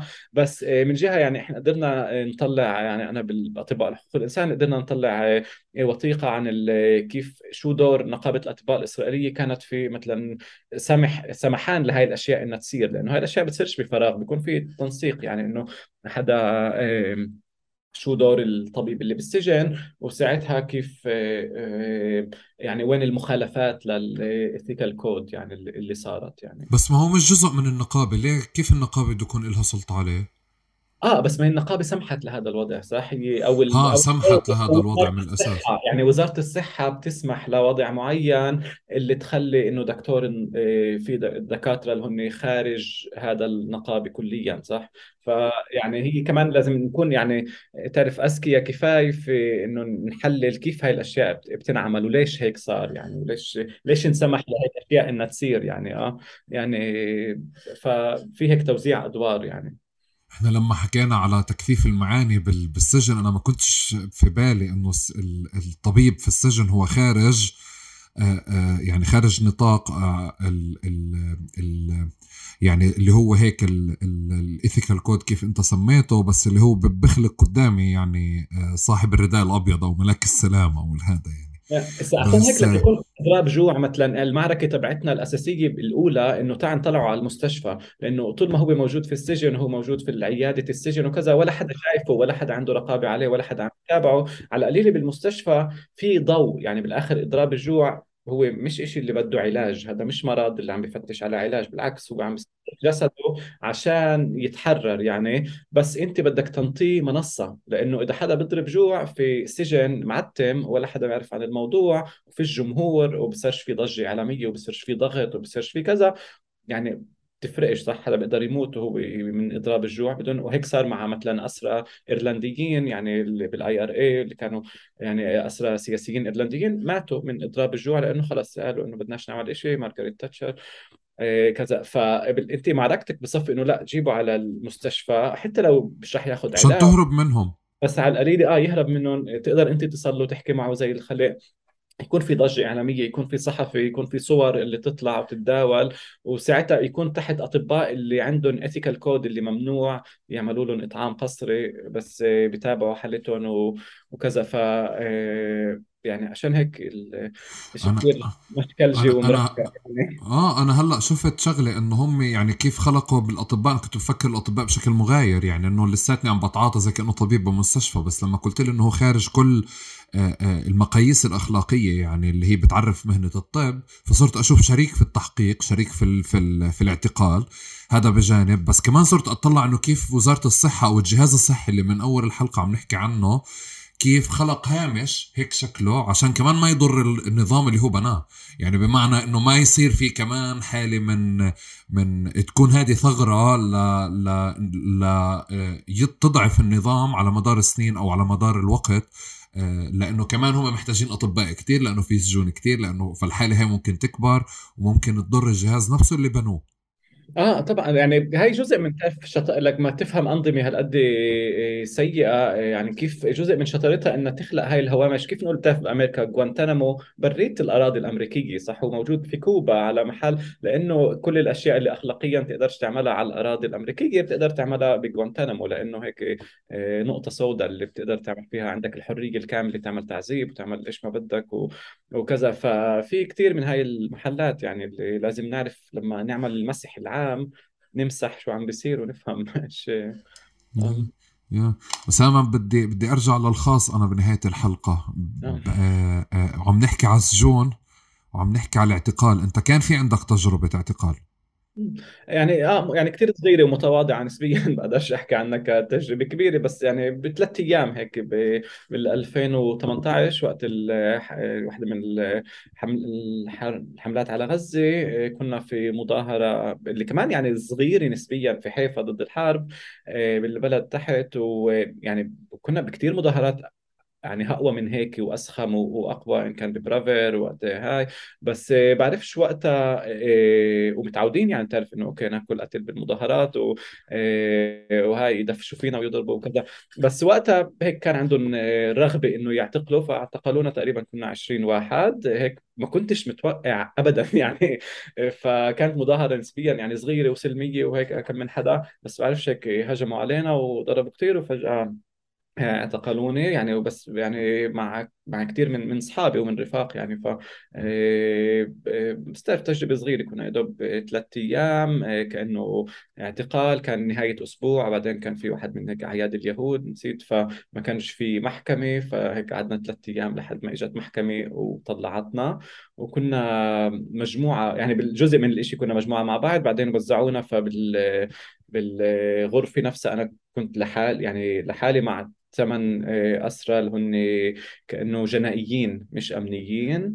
عارف كيف؟ بس آه, آه، هيك بتعطيك بس لمحة صغيرة وعالم من عالم السجن كمان إنك بتفوت على محل اللي حتى مع الأسرى الثانيين الفلسطينية أنت ما عندكش ثقة صح؟ لأنك دائما بتشكك مين معهم مين مين معك مين عليك مين مين عم بيشتغل معهم مين شو بينفع تحكي وشو بينفعش تحكي وإيش بدك تحكي وكيف هن بشوفوك ومع هيك خوف يعني بقدرش أقول إنه تعرف كان خوف رهيب يعني كان عندي إحساس إنه خلص شو هذا الهبل يعني خلص طلعونا واضح رح يطلعونا عاجلا أو اخرا يعني على شو عم بضيعونا وقت؟ وكان عندي امتحان بعد كم من يوم إنه خلص خلصونا يعني بدي هالشغلة بدي أروح إيش هاي ضيعة الوقت يعني؟ إيه والسخافة وهيك كمان تعرف تطلع على السجان إنه تعرف من فوقيه إنه شو عم يعني اهبلك يعني عن جد هذا عن جد عم تسألني هذا السؤال عن جد تسالني شو عم تعمل هون؟ بقول شو عم أنا ضد عم بتظاهر ضد الحرب على غزة أنت شو عم تعمل هون؟ بالذات إذا هو عربي يعني أو كذا فبتعرف بس آه كنا هيك ثلاث أيام وبقدر يعني كانت تجربة آه، قوية لأنه كمان كنا يعني رفاق مع بعض يعني فكان هاي الأخوة الحلوة يعني بين الرفاق يعني وكثير منهم يعني أصحابي و والناس اللي متعودين يعني نكون مظاهرات مع بعض. وكمان بعدين المح... إنه صار في ضجة إعلامية كثير قوية وحلوة يعني فكان عن جد حلو وقت المحكمة بعدين يعني تسمع كل صوت يعني أصحابك برا هيك اللي عم بالهتافات يعني هيك شيء أخذنا كثير يعني دعم قوي والمحكمة نفسها يعني بعدين إجت عدالة وهيك حسن جبارين وبقيه المحكمه عدالة فهن ترافعوا عنا بهيك بشكل مسرحي يعني ثياتريكال كثير آه، قوي وحلو وطبعا طلعونا كلنا يعني. ف آه، فمش يعني تجربة كثير صغيرة تبع ثلاث أيام يعني بس في كثير يعني شيء يذكر يعني بس إنه كأنه أثرت شوي على حياتي على محل الشغل لأنه بعدين محل الشغل الإسرائيلي صاروا هيك يطلعوا علي كأنه تعرف إرهابي يعني إيش هذا؟ وهيك بس أنا أنا أنا بعرف أنا بعرف إنها قصيرة بس وبعرف كمان إنه لها أثر في في مسارك في مسارك المهني بمعنى يعني حتى كان عندي فضول وأنا عم بحضر للحلقة. طب أسامة اللي أنا راح أقابله اليوم لو إنه كان طبيب senior والاعتقال ما أثر عليه. قد ممكن يدخل جوا ال process بس قلت أنا بنهاية الحلقة بدي أسأل السؤال عشان أشوف المسار نفسه يعني. بس حدا بالعقل النقدي هذا وبالتشكيك وبالأسئلة اللي اللي اللي بتضل شغالة ما أظنش حتى لو كنت senior يعني لو حتى لو عملوك سينيور مش رح كثير يتغير بالمشهد. بس ساعدني أو أو هيك ب بنقطة التجربة اللي كتير صغيرة هاي. آه لحدا مثلك يعني مستك بمكان أو طلعت أنت فيها بشيء انسى مهنيا. آه شو تركت جواك وبشو طلعت منها يعني؟ على قصرها وعلى كثافتها كمان. آه إيه، هي اجتني يعني بتعرف أنت كل مرة لما تكون في بمظاهرة بالداخل وتكون وجه لوجه مع القبال الجندي يعني بتحس خلص هاي هي المعركة الصفر لأنه خلص هو قوي وكبير وعضلات وبدفش فيك وهن كتار ومرات مع كلاب وحصن. غاد هيك بتحس تعرف الضعف تبعك إنك عن جد شو يعني شو ما عملت قد ما هتفت قد ما كذا بالآخر أو سكرت شارع وكذا يعني حتى لو كنا كتار بس هاي القوة المباشرة تبعت ولو في غاز وكذا تحس ضعيف بس من جهة يعني الكمية الهائلة والقوة تبعت الجماعة تبعت إنه نكون مجموعة مع بعض ومجموعة رفاق وأصحاب اللي اللي كمان بنعرف بعض من قبل. يعني بنحكي أغلبهم يعني سنين بنعرف بعض في علاقات ثقة علاقات هيك حلوة. فكان هالقد يعني إحساس بالقوة الجماعية قديش إحنا قوايا مع بعض وقديش إحنا يعني الحق معنا وإحنا بالعكس حلوين وحق يعني وحقانيين ومناح. وبعدين لما يعني تشوف كل آه، آه، الدعم الهائل يعني اللي صار لنا يعني في حيفا من بقية الأصدقاء. يعني بعدين لما طلعنا من من الاعتقال كميات الرسائل والحب والدعم والهيك بتشوف هاي القوة تبعت الجماعة لما عن جد يكون في حراك معين اللي أنا كثير يعني بعرف إنه يعني مرفهين لأنه يعني كثير ناس ما عندهاش هذا الإشي بتعرف كيف؟ يعني بتصير تفهم كمان عكس كثير ناس بتعتقل وهيك ولا حدا بيسأل فيها ولا حدا عن جد بتابع ولا ما عندهاش يعني شبكات من الأصدقاء والمعارف وكذا. فهي أثرت يعني من من هذا المحل ومن محل إنه أوكي شو يعني سام؟ يعني عيب نحكي عن حالنا لما غزة تحت القصف عارف كيف؟ يعني إنه إحنا ولا إشي يعني هذا بس جزء آه، من من شو يعني عم بحكي عن ثلاث أيام اعتقال لما كل الوقت غزة تحت القصف. فيعني قديش يعني الصغر هاي التضحيات الأشياء الصغيرة. بس كمان بعدين إنه الرجعة على المستشفى الإسرائيلي من بعد التجربة وكل هاي التعامل والتشكيك والتعامل معي كأني مجرم كأني أبصر شو عملت وهيك خلص قلت إنه يعني خل... ما عنديش قدرة أصلا آه، أحكي معكم وافوت آه، آه، بهذا الجو يعني. أو يعني أكيد مش إنه أكيد يعني بعيد كثير إنه مش اعتذر أو أو شيء بس إنه يعني توقعت إنه أنتم محل الشغل تبعي أنتوا لازم تسألوا عني أنتوا لازم تطمنوا علي تقولوا شو صار معه كيف تنه هيك صار كيف تنه اعتقل. جايين تشككوا فيي يعني وات فك إيش عم بيصير معكم. ف إيه، فهيك هيك هو بفتح عينيك أكثر على على الجهاز هذا لما لما يصير هيك مواقف شو بيصير. وطبعا بعدين يعني إيه، يعني طلعت طلعوني نوعا ما من طلعوني من الشغل يعني. فقلت إنه okay يعني مساري راح يكون بمحل ثاني كليا. مش راح أطمح كيف أتسلق الهرم الصحة في إسرائيل كيف أكون دكتور أكثر senior في محل أحسن في مستشفى وكذا. إنما في شيء كثير كبير اللي ولا حدا عم بيحكي عنه يعني عنه كله علاقة الصحة والاستعمار والهاي اللي, اللي والعنصرية والأبارتهايد وكيف كلها بتأثر على صحتنا بالداخل والضفه وغزه وكلنا مع بعض وكدكاترة وكمرضى. ففي عالم كثير كبير اللي لازم نخوض فيه يعني بينفعش بس هيك نطمح اكون دكتور هون أو دكتور غاد أو كذا. إيه، وهي هيك دفشتني أكثر لهذا المحل ول يعني كيف أهندس الخيارات تبعتي وطموحاتي إيه، وسيرورتي في طريقة ثانية يعني. عرفت كيف؟ أو طبعا دعم العيلة والأصدقاء والعيلة أكيد يعني. ف... أسامة أنا خلصت. بدي أسأل سؤالي الأخير. بدك تحكي شيء قبل ما أسأل سؤالي الأخير؟ لا. رجعنا رأس المستمعين. لا هاي هاي حلقة يعني اشتباك أنا لإلي. أنت يعني ساعدتني عن جد أجمع بازل يعني بازل كاملة. ولإلي في صور كتيرة يعني آه أخذني وقت وأنا عم بستحضر كل الصور قبل ما نعمل الحلقة هاي لأنه في إشي من من طفولتي حرفيا أنا كان يربكني بالعلاقة مع الاحتلال يربكني حرفيا. من من آه هلأ وأنت عم تحكي استحضرت صور جديدة اللي اللي كمان هلأ بنفع أستحضرها وأذكرها بجانب الصور هذيك لأعزز الحدس اللي كان جوانا لا في مشكلة بأنا كيف بفكر يعني. آه ممنون لك كتير. آه، يعطيك ألف عافية. أنا راح أنهي بالسؤال اللي غششتك إياه خالته حسب ما وصلني يعني. بتحب المكروب يا أسامة؟ آه بحب المقلوبه مش إحنا ما بنعملهاش كثير بالجليل يعني بس آه بحبها. آه آه مين مين بيعمل أحسن مقلوبه اذكى مقلوبه عندك. امي ايمن أنا بعمل مقلوبة منيحة بس آه، كمان. بس بنعملهاش كثير يعني إحنا بنعمل كبه أكثر هاي اللي عن جد أكلتنا. كبه نية هي أكلتنا المفضلة بترشيحها آه، يعني هاي تخصصنا. شو يعني مقلوبة أو كبه نية؟ لمين بتصوت؟ كبه نية طبعا دائما وما بنفع ينحطوا تنتين مع بعض؟ لا ما بينفعش لا لا هاي إلها مراسيم وهي إلها مراسيم هاي إلها مراسيم. وهي إلها مراسيم. آه لا جبلة الكبة إلها هيك. لمة العائلة مع الكبة إيه. وإحنا بال يعني بشمال فلسطين جنوب لبنان هاي وجبتنا يعني هيك من معزاي لحمة معزة سوداء طيبة. ف طيب تعبنا إحنا هلأ.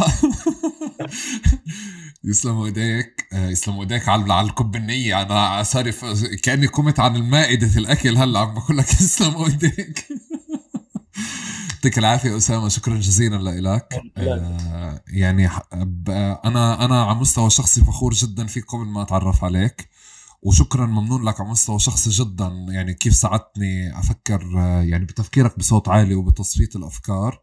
كان جدا مهم لإلي وأنا بحكي لك أنا منتصف الثلاثينات بس كل هذه الأسئلة ما كانش في مرجع لإني أص... يعني يساعدني أصفطها بكيف أنت ساعدتني يعني اليوم. ممنون لك جدا ومتأكد إنه عملنا يعني حلقة آه، مهمة وإن شاء الله يكون لها تساهم بالنقاش اللي أنت عم بتخوضه. وفخورين فيك. يعطيك ألف عافية. شكرا. شكرا. شكرا لك. بالعكس أنا بس قلت لك يعني محظوظ إنه تعرفت على كثير أساتذة رائعين على مدار الطريق اللي ساعدوني أركب هاي الأشياء. فأغلبها مش إشي جديد أنا جبته إنما بس هيك أجرب أكمل مسيرة ناس مشيوا قبلي يعني بهذا الدرب. شكرا للتأكيد على تواضعك في نهاية الحلقة أسامة يعطيك ألف عافية.